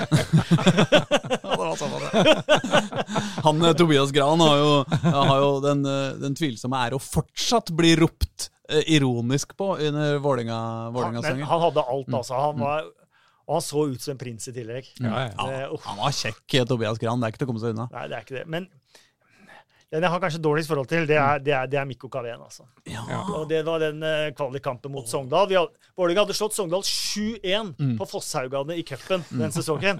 Det var ikke, den, den kvaliken den skulle være så utrolig lett, den. Mm. Eh, men da eh, Tommy Øren skåra det avgjørende målet på Ullevål i striregn, da sto keeper Mikko Kaveen bak mål. Se på YouTube når den ballen går inn! Da er Mikko Kaveen bak mål når Tommy Øre skårer. Hvorfor er han der? Han er født Det og oppvokst i Lahti som bestekompisen til Janne Ahonden. Og det er vel de som hadde Det hadde vært kanskje best om han satsa på skihopp, han òg, altså. Ja. Uh, Kaveen, det, det, var, det var en vond følelse, altså. Jeg husker Morten P skrev at det var keeper uten armer. Ja, Han hadde ja. hadde vel armene på ryggen. Han var Ja, han bak mål. Og, og, og, og se, gå på YouTube og se skåringen. Han står bak mål når dommeren skårer det mål. Men var det han som Altså, Jeg husker Vålerenga Vi hadde en eller annen kamp uh, ute i Europa en gang. Eh, hvor uh, altså dette, Han var reservekeeper for Boltolf. Eller han var Ja. liksom i der, det var, Han konkurrerte mot Øyvind Boltolf. Ja. Uh, Husker du dette? Eh, det kan jo, da må det jo ha vært i Ja, det Kan det ha vært Chelsea rett og slett? I 2009 Var Mikko Kaveen med Nei, 1999? Nei, Det høres jo litt eh, Nei, var kanskje? Eller var det, det kan jo, For det kan jo ikke ha vært så seint som Newcastle. Nei. Det var 2004, februar 2004. Ja. Men Chelsea var såpass Jeg ja, husker det var bare han fomla, ja, ha gjorde en ja. eh, tabbe, tabbekamp, eh, men det var det jo. Ja. Det, det hendte det jo. Ja. Ja. Nei, så det, det har jo vært mange. Ja. Eh, men men man, man er glad i de alle sammen likevel, liksom. Ja. Tenk på Crash. Eh, Ja, Crash? Kristen Seberg. Ah, På, måte, på ingen måte den mest talentfulle fotballspilleren, men å, å spille så med hjertet Mm. som han gjorde, liksom. Mm. Eh, og det, det gjelder så utrolig mange. da. Are Christensen, som på en måte Vi tapte 1-6 og 1-7 og 1-5 alle kampene den nedrykkssesongen 1990, men det er alltid Are Christensen som scora det, det ene, ene målet! det er jo, og Salto Morten Dahl, Ja, ja. som Ja. fant opp saltoinnkasten omtrent. eh, var veldig lite involvert i spillet, bortsett fra Det var farlig hver gang vi fikk innkast fra Ja. midtbane inn. Ja. Da trådte Salto-Morten til. Ja, men det er jo eh, Kerim Saidi. en deprimerende side ved, no ved moderne fotball at de folka som bare har én egenskap, ikke lenger eh, Det får ikke, det. det holder Nei. ikke lenger. Og det var jo så deilig. Altså, folk, som, folk som bare kunne altså, eh, altså Panserhagen. Sklitaklingens mann, på en måte. Eller, men ikke sant, folk som bare kan inn, innkast, folk som bare kan frispark. Det er jo, eller selvfølgelig folk som bare kan løpe skikkelig, skikkelig fort. Og mye lenge. Ja, det er deilig, sånne spillere, egentlig. Men uh... Eller motsatt enn skal han Pål Pål Jacobsen, som bare kunne skåre mål. Ja, ja. Og sa nei til Watford og Elton John på, Ja. på, på Karl Johan på, på Grand Hotel. Verdens Um, hardeste skudd på det. Mm. Verdens hardeste skudd på det. Ja, ja. Mm. Men det var før Sherida Spitze dukka opp. Nei, unnskyld, eh, før eh, hun Deana Stefanovic dukka opp. Ja. Eh, nå er hun utkonkurrert. Jo, uh, men vi må videre til noen flere spørsmål. Uh, jo, Vegard på Twitter, uh, overprestert, kaller han seg, uh, vil gjerne høre topp tre signeringer også. Ikke fra egne rekker, men, men liksom Den så jeg ikke, så den har ikke jeg, den har ikke jeg forberedt sånn sett. Men jeg kan si par, den, den som jeg alltid var fryktelig glad i, og som jeg Mm. bare venta hver eneste kamp på at nå kommer ketsjupen. Mm. Ekstremt undervurdert. Kristen Vikme. Ja. Jeg var så glad i Kristen Wickman, Mm. og jeg hadde så lyst til at han skulle lykkes hver eneste fotballkamp. Mm. Eh, 3-0-seieren mot Start, siste serieomgang eh, i 2000. Da viste han jo virkelig hvor god han var. Da hadde jo vel ikke Vålerenga vunnet siden juni, Mm. mai. som vant de den siste. Tenkte da, da går det greit. Eh, den sesongen der opplevde jeg ikke én skåring for laget jeg holdt med siden 2-2 mot Bryne i april.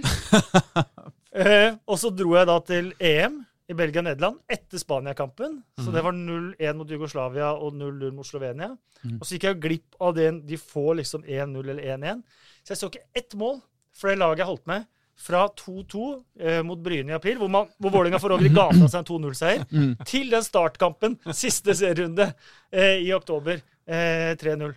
Jeg husker jeg så på Sportsfjorden sånn, sånt lag som tapte 4-2 og sånn. tenkte jeg bare fantastisk. Tenk å skåre to mål. Det er ikke rart bli blir av Kristen Wickman da. Å, herregud. Nei, den 2000-sesongen må jo være den tyngste sesongen noensinne, tror jeg. Og det endte jo opp da med at Mikko Kaven sto bak målet. Ja. Ja. det må vi også få posta på, på Twitteren, det der, det der eh, Og Tom Nordli og Kjetil Rekdal inn som trenere. Ja, ja, det var, ja, det var Men det var mye godt avisstoff. Mye godt avisstoff, vil jeg tro. Uh, Vålerenga-personlighet uh, Frank O. Hansen Ja. uh, spør, eller sier da Be han om å fortelle om sin første tur på Carrow Road. Ja, det er ikke så spesielt, det. Å nei, det er ikke det. Nei. Nei. Så, så spørsmålet ja, nei, det er 87-88. Mm. 12 år. Mm. Leda 2-0 til det gjensto tre minutter. Det blei 2-2. Jeg skulle ønske jeg hadde et sånt hue som greide å huske sånne kamper så Nei, lenge. men Det husker man, altså. Det, det, min favorittspiller Kevin Drinkle hadde scora. Ja. Eh, alle drømmer oppfylt. Ja. Inntil liksom 2-1 i 87 og 2-2 på overtid, og så blei det, ble det som det blei. Men det var stort, det, altså. Ja. Eh, ja, absolutt. Eh, Jonny Normann Olsen, eh, leder for Skeidoksen. Ja. Og podkast, han òg. Ja, ja, ja. ja, ja, Podcast. det Landslagspodkast Ja, ja, ja, ja, ja. som heter Våre beste menn. Jeg hører på den. Ja, ja, Ja. Ja, han er veldig flink der. Ja. Det er dessverre et halvt år til neste viktige landskamp. Det er vel Ja. mer enn det òg. Ja, men det var sånn. Over til Jonny. Hvilket lag spilte du for i oppveksten? Og hva var din posisjon på banen? Det var uh, Reddy. Ja, det var Reddy, ja. Det, var, Det det, var det. måtte være noe sånn det. Heming eller Reddy Ja, ja, ja, uh, Og jeg var høyrebekk, for på den tida var jeg den dårligste på laget eh, på høyrebekken. Ja, Ja, det det, så det var meg. Um, men jeg hadde én eh, Per Arnesen, husker kanskje du? Nei. Ja, veldig stor legende der. PA fikk vi som trener ett år, og da ble 75 eh, og 76-generasjon de ble slått sammen til et første, andre og tredje lag. Eh, hvor eh, surplus både Da var, ble det rent 75-lag som var førstelaget, rent 76-lag som ble andrelaget. Og så ble de som var overskudds, ja. 76 og 75, Ja. ble plassert på tredje lag. Ja. Og der ble jeg kaptein. Oi! ja. Men det er den morsomste sesongen jeg spilte fotball. Vi, slo, vi var i samme divisjon som andrelaget, og vi slo dem. Eh, og, vi, det, at, og når det kom året etter, så var ikke det mulig lenger, for da ble 76 og 75 igjen delt. Mm. Men hadde fotball vært så gøy som det var den sesongen der, og vi gjorde det skikkelig bra, vi vant skikkelig mange kamper, Mm. da kunne jeg drevet med fotball fortsatt. uh, men jeg skjønte at jeg var så dårlig til å spille fotball. Eh, men jeg hadde så lyst til å drive med fotball, så da ble jeg dommer, faktisk. Oh, ja. Eh, Da Det var eh, 15-16 der. Rolf Rodvang, som var eh, leder for, for eh, Oslo dommerkrets. Hus, Du husker ikke han heller, kanskje? Jo, da- jo, Rolf det- Rodvang, ja, han var legenden. Den, Ja, ja. Fantastisk mann. Eh, så jeg kom et stykke der, men når du blir 20 da, så skjer det for mye i livet til at Ja. Ja. ja, enten så må man komme helt opp, eller så gir man seg. Men det er imponerende sjølinnsikt uh, å, å gjøre den avgjørelsen når du er 15 at dette er for dårlig til. Jeg må bli Jeg dommer isteden. På Tormod het han ene treneren. Ja. og Han kjørte meg eh, hjem etter en kamp Ja. hvor jeg igjen ikke hadde fått spilt. Ja. Eh, og da spurte jeg Tormod For tredjelaget. Nei, da var det tilbake på. Men da sa jeg Tormod, hvordan er mulighetene for å melde meg på et dommerkurs? Så de mulighetene var gode. Som likte å dømme? For det er jo en, det er en helt annen rolle. Ja, du det, var, det var kjempegøy. Jeg var Ja. ikke så verst opp. Jeg sto på linja i tredjedivisjon Ja, okay. og førstedivisjon kvinner. Ja. ok. Eh, Det var dit eh, Bente Skogvang Ja, eh, dømte masse med. Jeg syns hun Mm. var fantastisk god. ok. Ja. Så, eh, så det var veldig, veldig gøy. Ja. Det var det. Nei, men det er viktig ballast for deg å ha, også når man snakker, snakker fotball. Ja, det kan man si. Senere. Ja, absolutt. Det er nok sikkert det. Det er jo veldig lett å hate dommeren når man ikke har vært dommer. Ja, men så er det jo sånn også at det henger litt igjen det som var regler da, så man tenker fortsatt det er regler nå. Så Ja, ja, ja. går på nye kurs, Vi går jo med Terje Hauge, og altså, vi får jo input stadig vekk. Men det, det er jaggu meg noen rare ting som bare sitter igjen fra da som man tror fortsatt er regler. Tilbakespill er en- endra. for Er det, ja? ja. Jeg har lurt litt på det, skjønner at de ikke tar opp før ballen lenger.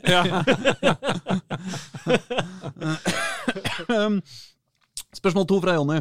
Um, hvordan forbereder man seg på å kommentere kamper i Norway Cup kontra kamper på toppnivå? Ja, det er ganske stor forskjell. det, det, det skal jeg tro. Ja.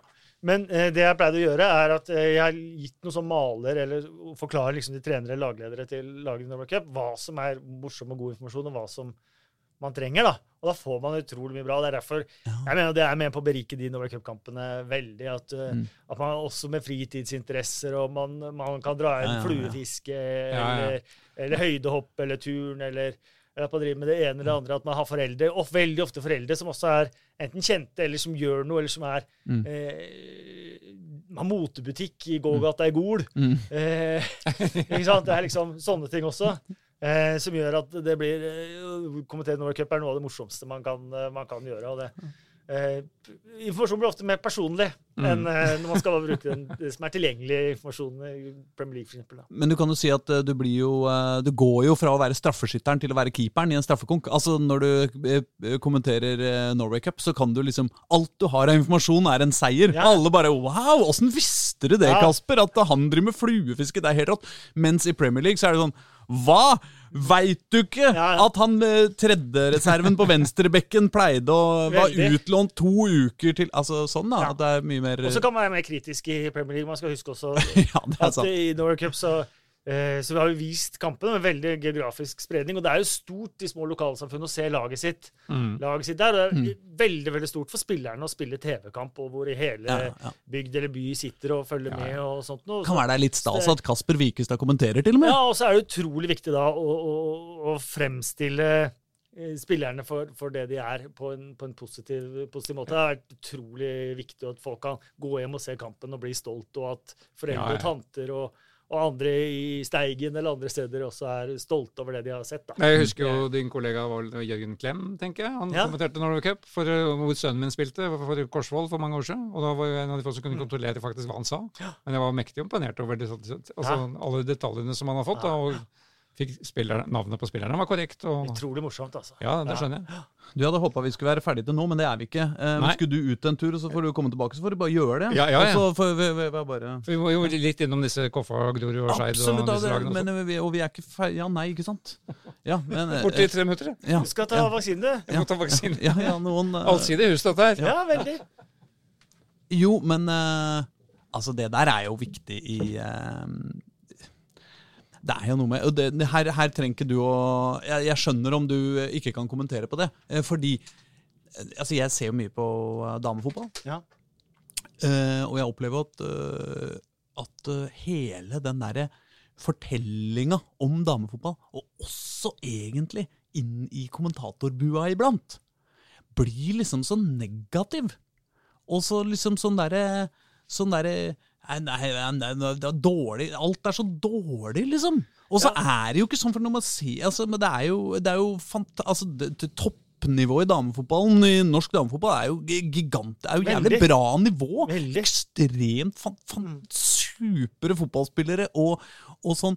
Og så, så er det liksom noe med at iblant så føler jeg at, eh, at det de blir bare sammenligna med liksom, eh, ja, liksom Premier League, da. Eller, eller et eller annet sånt. Og så er det liksom en, en, en kamp man aldri kan vinne, da. Nei, det, det kan man irritere seg, irritere seg over. Det synes jeg, og, og, og, det er litt av hva slags inngang man skal ha til, til ting. da. Jeg er utrolig glad i fotball, og jeg elsker fotball. og det er det beste jeg kan gjøre, er å være på fotball. Ja. Um, og, og på en måte det, det er utgangspunktet mitt Mm. både når jeg ser på fotball og, og når jeg kommenterer fotball. Ja. At det, det er ingenting jeg syns er bedre. Og så kan jeg være eh, Jeg kan godt være kritisk eller stille spørsmål eller sånn, men eh, noe av det første jeg lærte av, av Dag Solheim da jeg begynte å, Mm. å kommentere i, i Canal Pluss, mm.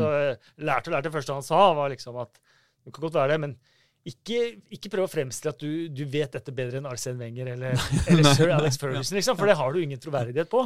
Eh, så ikke opphøy deg selv i en posisjon hvor, eh, hvor på en måte du kan stille spørsmål. Du kan si at det har funka bra eller det har funka dårlig, eller alle de tingene der. Mm. Men, eh, men ikke fremstill deg selv som om du har bedre peil eller vet bedre enn enn en de. Nei. Og det er liksom det jeg prøver å si også når vi snakker om Vålerenga og sånn også. Ja. Det, det er viktig for meg at jeg vet ikke bedre enn verken Fagbo eller noen i det trenerteamet. eller, Ja. eller noen andre. Det, og det er en grunn til at jeg har den jobben jeg har, eh, og de har den jobben, Mm. jobben de har. da. Ja, men det er jo egentlig, På en måte er det jo også det samme selvfølgelig både i Eliteserien og Mens Obos har fått et lite sånn oppsving nå med sånn positivitet rundt seg. da. Det, Ja, det syns folk og- liksom tar litt sånn på egne For det er klart at Hvis du skrur rett fra Premier League til Obos-ligaen, så er det jo litt uh, forskjell Det er jo en god del forskjeller der. Uh, på, både på og av banen og alt mulig. Og det Men det gjør jo ikke at Obos ikke er en helt rå liga å følge med Det på. er liksom. akkurat det, og det er, det er, er jo akkurat det. Toppserien også er helt rå liga å følge med på. Dritkul! Det er jo akkurat det, og Hvis vi alle bare skulle gått etter eh, Vi skal bare se den beste fotballen. Ja, det er Så hadde vi i perioder bare sett Barcelona og Real Madrid. da. Og nå hadde vi bare sett Liverpool og Manchester City og kanskje Chelsea. Mm. Eh, men fotball handler om, eh, og det som gjør fotballen så magisk, er at fotball handler om tilhørighet. Mm. Uh, fotball handler om de følelsene som vekkes eh, inni deg når du ser de ulike lagene eller ulike ligaene. Og det er derfor Kjelsås mot Skeid Mm. eh, blir en fantastisk fotballkamp. Ja. Eh, og, og, fordi at det er, det er, det er jo følelser og tilhørighet og alle de tingene involvert. Mm. Eh, og det er derfor fotball kan ses på i, i, på alle nivåer. Mm. Jeg har jo masse glede av å se en eh, gutte 15-kamp også. Ja. Eh, Eller Norway Cup-finalen. Eller Norway Cup-finalen. Ja. Eh, eller Jenter 12 i Norway Cup, Ja. eh, som jeg har kommentert masse av. Ja. Eh, alt det der er jo helt utrolig bra. Og det ville være veldig rart om jeg skulle sitte og kommentere eh, en fotballkamp nesten på uansett hvilket nivå, og bare snakke om hvor ræva alt er. For jeg syns jo ikke alt er ræva. Jeg syns jo det er veldig bra, og jeg vet at samtlige aktører fra Jenter 12 Mm. eh, fram til Oldboys eh, menn Mm. er bedre enn meg. Ja. Eh, det har vi også fått det stadfestet her. Det er sant. så, eh, så, så, så det er jo på en måte utgangspunktet. Altså, så kan jeg skjønne at uh, fotballspillere som har spilt på et ekstremt høyt nivå, kan irriteres over, over mye av det de ser, for de vet Mm. selv at de syns de tingene som kanskje ikke andre får til, er enkle. Ja. Eh, men der er ikke jeg. Siste spørsmål fra Jonny. Uh, hvilke to norske arenaer er henholdsvis best og verst på oppvarting av kommentatorer? Ja, det er faktisk en stund siden jeg kommenterte Eliteserien, men det var jo utrolig fine år. Mm. Eh, beste sånn nesten jobbmessig høsten jeg har hatt noensinne, var jo da jeg fulgte Sarpsborg i Europaligaen. oh, ja. eh, Hjemme og borte. Det, det syns jeg var en sånn magisk høst. Jeg får nesten gåsehud bare armen bare jeg lukker øya og tenker på den høsten her, for det syns jeg var helt utrolig. Og, men man husker både fra foto, man var fotograf og journalist og kommentator. Eh, så må man trekke fra seg Sarpsborg. Mm. Eh, selv da jeg var mye på da, da det het også Sparta. Mm. Eh, da de var også litt ned, men alltid Alltid god servering og hyggelig imøtekommende og hjelpsom og, og alt sånn. Ehm, men så er det, det gjelder jo stort sett overalt hvor du kommer. Mm. Da Lyn var sånn ordentlig på finanskrisa der, da gikk det utover serveringa, husker jeg. oh, ja. Eh, Det husker sikkert Reidar òg. så, så det var ikke spesielt eh, bra. Også, som fotograf husker jeg Moss, Meløs. Der var det ekstremt strengt. Um, Der måtte man, eh, fikk også beskjed en gang Her må du velge side. Hvem du skal sitte i angrep. da, Det er jo litt viktig. Ja, ja. eh, du, hvilken, Ja, ja. Hvilket lag du skal Sånn. dekke. Hvilket mål setter du deg bak? Ja, Liksom? Ja. mm. Og de mente jeg måtte gjøre det før myntkastet. For det var ikke anledning til å gå eh, etter at myntkastet var, eh, var gjort. Mm. Eh, så Moss eh, kan jeg trekke fram da. Men det, igjen, det er jo 15 år siden. Ja. Eh, så det kan godt hende at det er store forandringer på det. Men det var et stort kontrast da jeg tok bilder på Meløs, så tok jeg bilder på Old Trafford ikke veldig lenge etterpå. Og Old Trafford var liksom alt lov som ikke var lov på Meløs. Ja, ja. Men jeg husker da Lillestrøm hadde de høyeste smørbrødene til journalister. Det var jo på 70-tallet. Det var da Ivar Ja. Hoff styrte der. Ja, Så det er viktig, det. Ja, ja, ja. Ja. og det, var, det, det var hans utgangspunkt òg. Ja, Altså, dere fortjener det ikke sånn, men vi må servere dere, for det lønner seg for oss. ikke sant.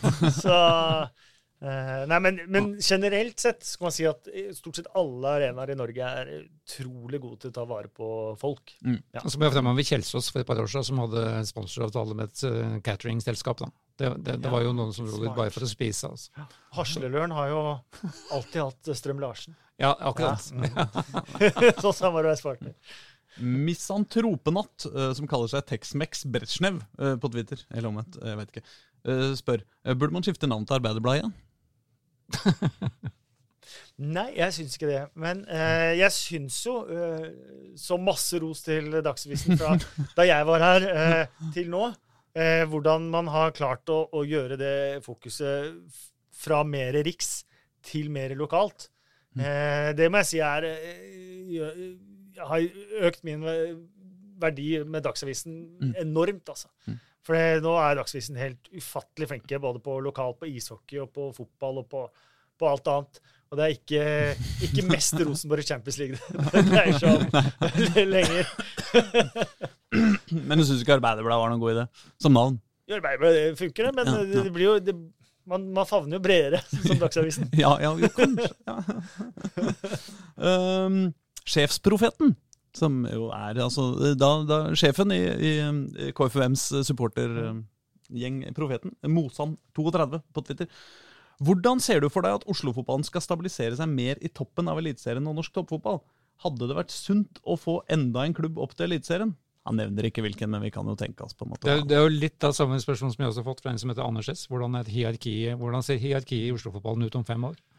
Ja, for akkurat nå så er vel Lyn det tiende beste laget i Oslo, er det det? Jeg tror de kom opp på ni- niendeplass eh, i siste, siste seriekamp der. Ja. OK, niende Nei, beste. de er bak Lokomotiv Oslo. vet du. Lokomotiv Oslo ble nummer tre i sin avdeling i tredje divisjon. eh, noen skrev i hvert fall på Twitter Jeg tror kanskje det Ni var eller ti, da. Ja, det er noe sånt. Og det er jo Det tar tid å bygge opp eh, Bygge opp igjen. Husker du Lyn også kom opp? 90-tallet og 2000-tallet. Det var ikke veldig mye folk på de kampene før, før det plutselig begynte å, Mm. begynte å komme sånn eh, Tippeligamilliarden og, og Mm. de tingene der, og, og folk ti- Tilskuersnittet i, Øverste Norge generelt var på 10 000. Ja. Da kom jo også Lyn etter, Ja. og det kom mye folk. Fram til det så var det ikke veldig Det var jo Lyn kjent for å ha få folk på tribunen. Ja. Uh, og nå er det jo liksom Mm. Jeg har vært på to-tre Lynkamper på, på Kringsjå denne sesongen. Det er jo Mm. ikke mange igjen. De som er, skal riktignok ha bred, bred honnør. Du har vært, du har vært der du. Ja. Imponerende. Uh, det var kjempestemning på Lyn Brann 2. Ja. Eh, for det bor jo en del bergensere i. Oslo. Ja. Eh, utrolig honnør til de som har holdt ut. Eh, men det tar tid også å bygge opp når de eventuelt Mm. kommer. Og Koffa har jo de har sin, sine profeter, han har sagt. Mm. Men de er jo ikke, de er ikke veldig mange, de heller. Kjelsås og Skeid har jo også veldig De har et potensial der, men det er liksom ikke 8000 på tribuna når de kommer opp, de, de heller. Så det er vanskelig, da. Men enten så spiller Koffa Eliteserien neste år, og det tror jeg kan bli morsomt. Mm. Eh, Tror, du, tror du du- på det? Det er, det er jo så har du. Skeid og, Skeid og Grorud. Forhåpentligvis Grorud. De har jo avsluttet hjemme mot Kamma. Det kan jo bli dramatisk. De har vel sin, sin egentlig finale, de på sånn. Ja, ikke Nå kommer de mot Strømmen. Ja, og Strømmen er nede, og, Ja. og, og sånt noe. Så, Så vinner Grorud den, så er de jo på Ja. sikker plass. Mm. så man kan jo håpe, da, eh, at i hvert fall de to er der. Også om KFA er oppe eller nede. Men, men for Oslo-fotballen, så eh, Jeg vet ikke helt hva som er Vålerenga vil jo være, uansett være lokomotivet, da. Men jeg, jeg heier på Koffa når det kommer til kvalik, i hvert fall. Mm. Eh, det- Mm. Hadde vært moro om de hadde rykka opp, sjøl om det hadde vært rart. Ja, og så Det hadde vært veldig rart. Men det er trenerteamet til Koffa Mm. eh, Snakk om å ha et eh, kult og kompetent Mm. eh, trenerteam. Mm. Eh, eh, med Johannes eh, Mosgaard også som, som assistent der sammen med Daniel Fredheim. Ikke Holm sant? sånn også, så- Mosgaard og Daniel Fredheim Holm, og så Jørgen Isnes Ja, på sjefen. for meg så er det bare et utrolig fint, eh, fint team. Og det er, det er ikke det er tilfeldig at de, de gjør det så bra med de ressursene de har. Mm. Eh, for det er ekstremt kompetente mennesker som, Mm. som styrer. Morsomt, morsomt team i Skeid òg, da. Eh, Veldig. VIF-bakgrunn med Gard Ja, ja. Og Morten Berre. Og Morten Berre der, ja. og Ademai som Ja. assistenter. Mm. Så ja, så de, de, de er dyktige, og de, de har suksess med det. Eh, Hvilken Oslo-gutt har imponert deg mest i fotballen det siste året? Spør samme sjefsprofet. Ja. Det, det er vanskelig å, å si. Eh, Jeg syns jo Christian Borchgrevink Mm. er jo utrolig flink til å spille fotball. Også, men av de som jeg ikke liksom kjente til noe særlig før denne sesongen. Mm. Så jeg vet ikke om jeg kan kalle han Oslo- eller Aten-gutt. Men jeg syns jo Christos Safaris er Ja. utrolig spennende fotballspiller. da. Mm. Det syns jeg. Det er synd at han forsvinner fra byen. da. Veldig synd. Ja. Eh, veldig synd. Eh, men så var han jo Han var, har jo vært i Vålerenga, så Ja, ja. ja, så de har jo tatt et valg der, Ja. åpenbart. Ja. Så får vi se om han blir en suksess. Og spennende hva som skjer med Grorud-fansen. Om far fortsetter Ja, der oppe, ja. Ja, eller om han drar til Haugesund. Eh, For det er jo et stort tap for supportermiljøet i Grorud også, det, hvis, hvis pappa ikke skal henge Ja, med på hjemmekampen lenger. Det er, eh, det, det, det er så gøy, det. Eh, Tenk om hele VIF-klanen hadde egentlig eh, Basert seg på pappa til Aron Dønnem. Ja, eller Pål Jacobsen eller en eller annen i gamle dager, da. Eller, så bare Nei, så ble solgt til utlandet, så bare ja, så okay. Hele klanen. skjulteplassen. ja. um, siste spørsmål fra sjefsprofeten. Ødelegges toppfotballen i Oslo av kommunen? Nei, det gjør det ikke. Fordi kommunen på mange måter Du har jo ulike styresett, eller styrer i denne Mm. byen her Mm. som har ulike fokus. Mm. Og hvis du får Når man endrer, eh, endrer, liksom, endrer eh, partiene og sammensetningene i byråd og, og styre i byen, så, Mm. så vil du få ulike fokus. Og, Mm. Så sånn sett så er det bra med skifter inni- innimellom. Mm. Eh, men den fokusen som har vært de siste seks årene på, på bredde på Oslo øst, Mm. Eh, på anleggsbygging og på, Mm. på andre ting. Mm. Eh, det tror jeg kommer, eh, kommer toppfotballen i Oslo veldig til gode på sikt. Mm. Eh, og så tror jeg liksom når du har hatt andre styrer som måtte ha fokusert mer på, på toppfotballen og toppidretten, Mm. eh, som det har vært tidligere byråd som har gjort, Mm. så tror jeg det også er bra. Mm. Så, så, så sånn sett så, så, er, så er jo det at noen ganger blir skifter og sånt på lang sikt sånn positivt. Men fordi dette byrådet kanskje ikke har aller mest fokus på, på toppidrett, og, Mm. det, så, og sånn er det, Mm. eh, eh, så tror jeg ikke nødvendigvis at toppidretten på sikt i Oslo tar skade av det. Eh, kanskje heller tvert imot. Mm. For det har blitt bygd en del kunstgressbaner.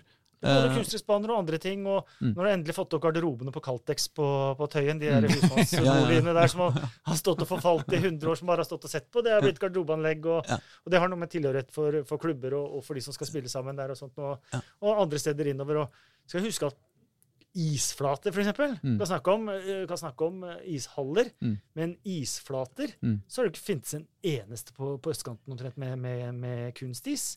Nei. Eh, du har hatt Valle Hovin, men der har det ikke vært lov med kølle og puck. Eh, og så har du hatt Voldsløkka kanskje som den, som den mest langs, lengst øst, mens på, Mm. på vestkanten så har du masse kunstisisflater og sånn. Så Mm. det er på veldig mange områder for, for, for bredden og for lokalmiljøer og for, for nabolag og sånn, da. Mm. Så, så, så, så tror jeg det er veldig bra for toppidretten på sikt at du, du får et ivrig og, og, og, og levende lokalmiljø for unge, da. Mm. Det tror jeg. Da tror jeg vi kommer til det aller siste spørsmålet innsendt. Ja, ja, ja. Eh, Åpenbart eh, Reidar har noe vi, vi må skynde oss også, så det her skal vi kanskje gå litt kort over. fordi eh, spørsmålet er tror du vi kommer til VM. Vi kommer til EM i Tyskland. ja, Det er svaret mitt. ja, Jeg er enig med Ståle. eh, 100 EM i Tyskland. jeg har 99, han. Ja, han sa 100 først. Altså, ja, det. Ja, og så retta han seg til 99. Ja. Så jeg er enig med det han sa først. Husker du din første fotojobb? Har jeg fått spørsmål om. Det gjør jeg ikke, men jeg husker en av mine første, og det var for Dagsavisen. For Ja. det var i eh, Østfoldhallen. Ok. Eh, da Glenn Roberts eh, scora. Ja. Og så hadde jeg en litt treig Sigma-linse, og så er det ekstremt gult lys inni den eh, hallen. som Det går ikke an å gjøre med auto hvitbalanse, i hvert fall. Okay. Og selv ikke når du hvor nøye du stiller hvitbalanse, så blir det et gulskjær i bildene. Og så er det ganske mørkt. Så Glenn Roberts eh, smilte, pekte rett inn i kameraet, sånn som Glenn Roberts gjør. Ja. Og min Sigma-linse var ikke i fokus før han snudde seg eh, mot Morten Berre. Bildet ble helt OK, for det var smilende Morten Berre du så ansikter som gratulerte Glenn Roberts. Akkurat. Men det ble på ingen måte så bra som det Dagsavisen hadde fortjent.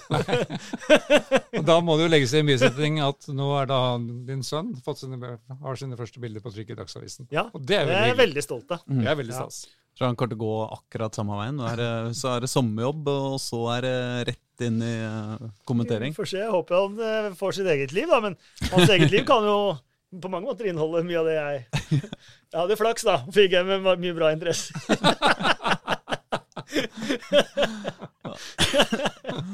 Ja, men det er, det er vakkert. Men jeg tror jeg kanskje vi skal si Nei, at for nå, Nei. nå skal jeg bare Å, komme med én ting. ja. ja, kom med en ting. Fordi at jeg er, kommer aldri til å bli delegat på, eh, på, eh, Fotballting. på et fotballting. Nei. Men jeg har et forslag til fotballting som jeg håper en delegat kan ta med seg. Ja. For nå har vi snakket mye om eh, både fotballkulturen i, i Norge, Mm. historien, alle de tingene her. Men, og med programmer og alt, og i forlengelsen av alt det, så er vi altfor dårlige til å ta vare på historien vår i norsk fotball. Um, jeg har vært mye i England, og jeg har vært mye på reiser sånn, ikke jobbreiser i England og sånt nå, og de aller fleste klubbene i England de har en egen historiker ansatt bare for å ta vare på historia til klubben.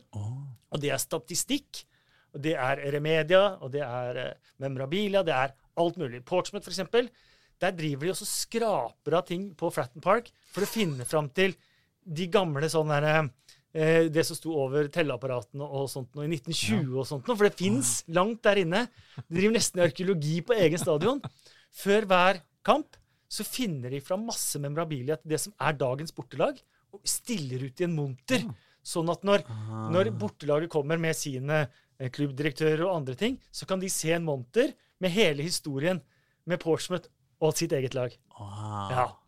Og det du oppdager som kommentator, og sikkert som journalist, og med andre ting, er at hvis du skal finne gammel statistikk, hvis du skal finne, finne ut av ting um, Om det går på G15-landslag i 1981 eh, øh, og, og alle de tingene der, så, så vil du ikke finne ekstremt mye du ikke vil finne. Og vi er nesten kommet nå et så skjæringspunkt hvor det snart er for seint. Eh, så det jeg mener er en av de viktigste ansettelsene norsk fotball kan gjøre. Det jobber mange, altså. Det jobber mange på Ullevål stadion. Mm. Apropos TV-penger. Mm. Det kommer nok penger inn Ja. til at dette kan forsvares. Ja. Men jeg vil at det skal eh, lovfestes på et ting at NFF skal ansette en historiker på heltid. Som skal eh, ha som oppgave å samle norsk fotballhistorie, rett og slett, og jobbe med det hver eneste dag. Og digitalisere statistikk, digitalisere bilder, digitalisere kampfakta, gjøre alt det. Eh, norsk fotball er utrolig rik, både på kultur og historie, Mm. men mye av det er i ferd med å forsvinne. Så få ansatt en historiker på, på fulltid, eh, og kan også ha som, som deloppgave da, å finne VM-trofeet fra 95 og kanskje fra 89 og 87. De trofeene der, så vi kanskje finner de og får de på plass også. Eh, Ja, det, god hadde vært, det hadde vært fint. Men, du, Eh, er- Men å ta vare på Mm. norsk fotballhistorie, Mm. eh, det er så ekstremt viktig. Eh, og det er mye i tall. Eh, så man trenger en som både er opptatt av fotball, og som, som kan historie. Altså. Ja, ja. Dette er en glimrende idé. Altså helt, helt ekte. Men det er ganske mange som hører på denne podkasten her, som, eh, som eh, skal være, eller kan bli hvis de vil, eh, delegater til, eh, til fotballting. Altså. Så her, lyttere, her må dere, her må dere ja. følge med. Det var et fotballmuseum på Ullevål, men det er vel nedlagt? tror jeg. Ja, men jeg tror det fins litt Og så har de gjort litt med den der hele eh, spillertunnel og, og inngangspartiet. Ja, ja, ja. Der. Men det er jo Men der hadde det gjort seg Vi har jo lite tilgjengelig for folk flest. Et EM-trofé, Ja. et prøve-VM-trofé og et VM-trofé. Ja. Det har vi vunnet. Ja, ja, ja. Ja. Men hvor Eh, er de? OL-gull, da. Jeg, har ikke sett, jeg har ikke sett noen av de. OL-gull. Ja, Det er gullmedalje, er det ikke det? Jo, jo. Vi har ikke noe trofé. Nei, det er, nok, Nei. nei, det er riktig. Men de tre trofeene har ikke jeg sett. Nei. Har du? Nei. Har du aldri sett noen av de? Nei. Nei. Det burde jeg jeg. gjort. Det burde du ha gjort. Men det kommer vi til å Og- finne, få se i 2023, når de Nei, men jeg, jeg, jeg gikk fotballforbundet har gjennom det ansatt. altså, sånn, Av nasjoner i verden som har vunnet et VM i fotball, Ja. jeg tror det er 12 eller 13. Mm. Vi er blant dem, altså. Ja, Det er sant, ja. Men kan vi være det eneste som ikke har trofeet vårt? Å, faen meg. Ja, det er litt Dette, opp skal vi finne, dette må vi finne ut av. Dette må vi finne finne ut av. er, eh, folk har prøvd før dere. Ja. Ja. Nei, men Da har fotballtinget i mars 2022 fått noe å tenke på. Noe å bryne seg på. Ja. Kasper, takk for at du kom. Altså. Takk for at jeg fikk komme. Ha Jeg har det! det kjempelenge. ja, bra. bra. Best Oslo-podkast! bra. Ha det!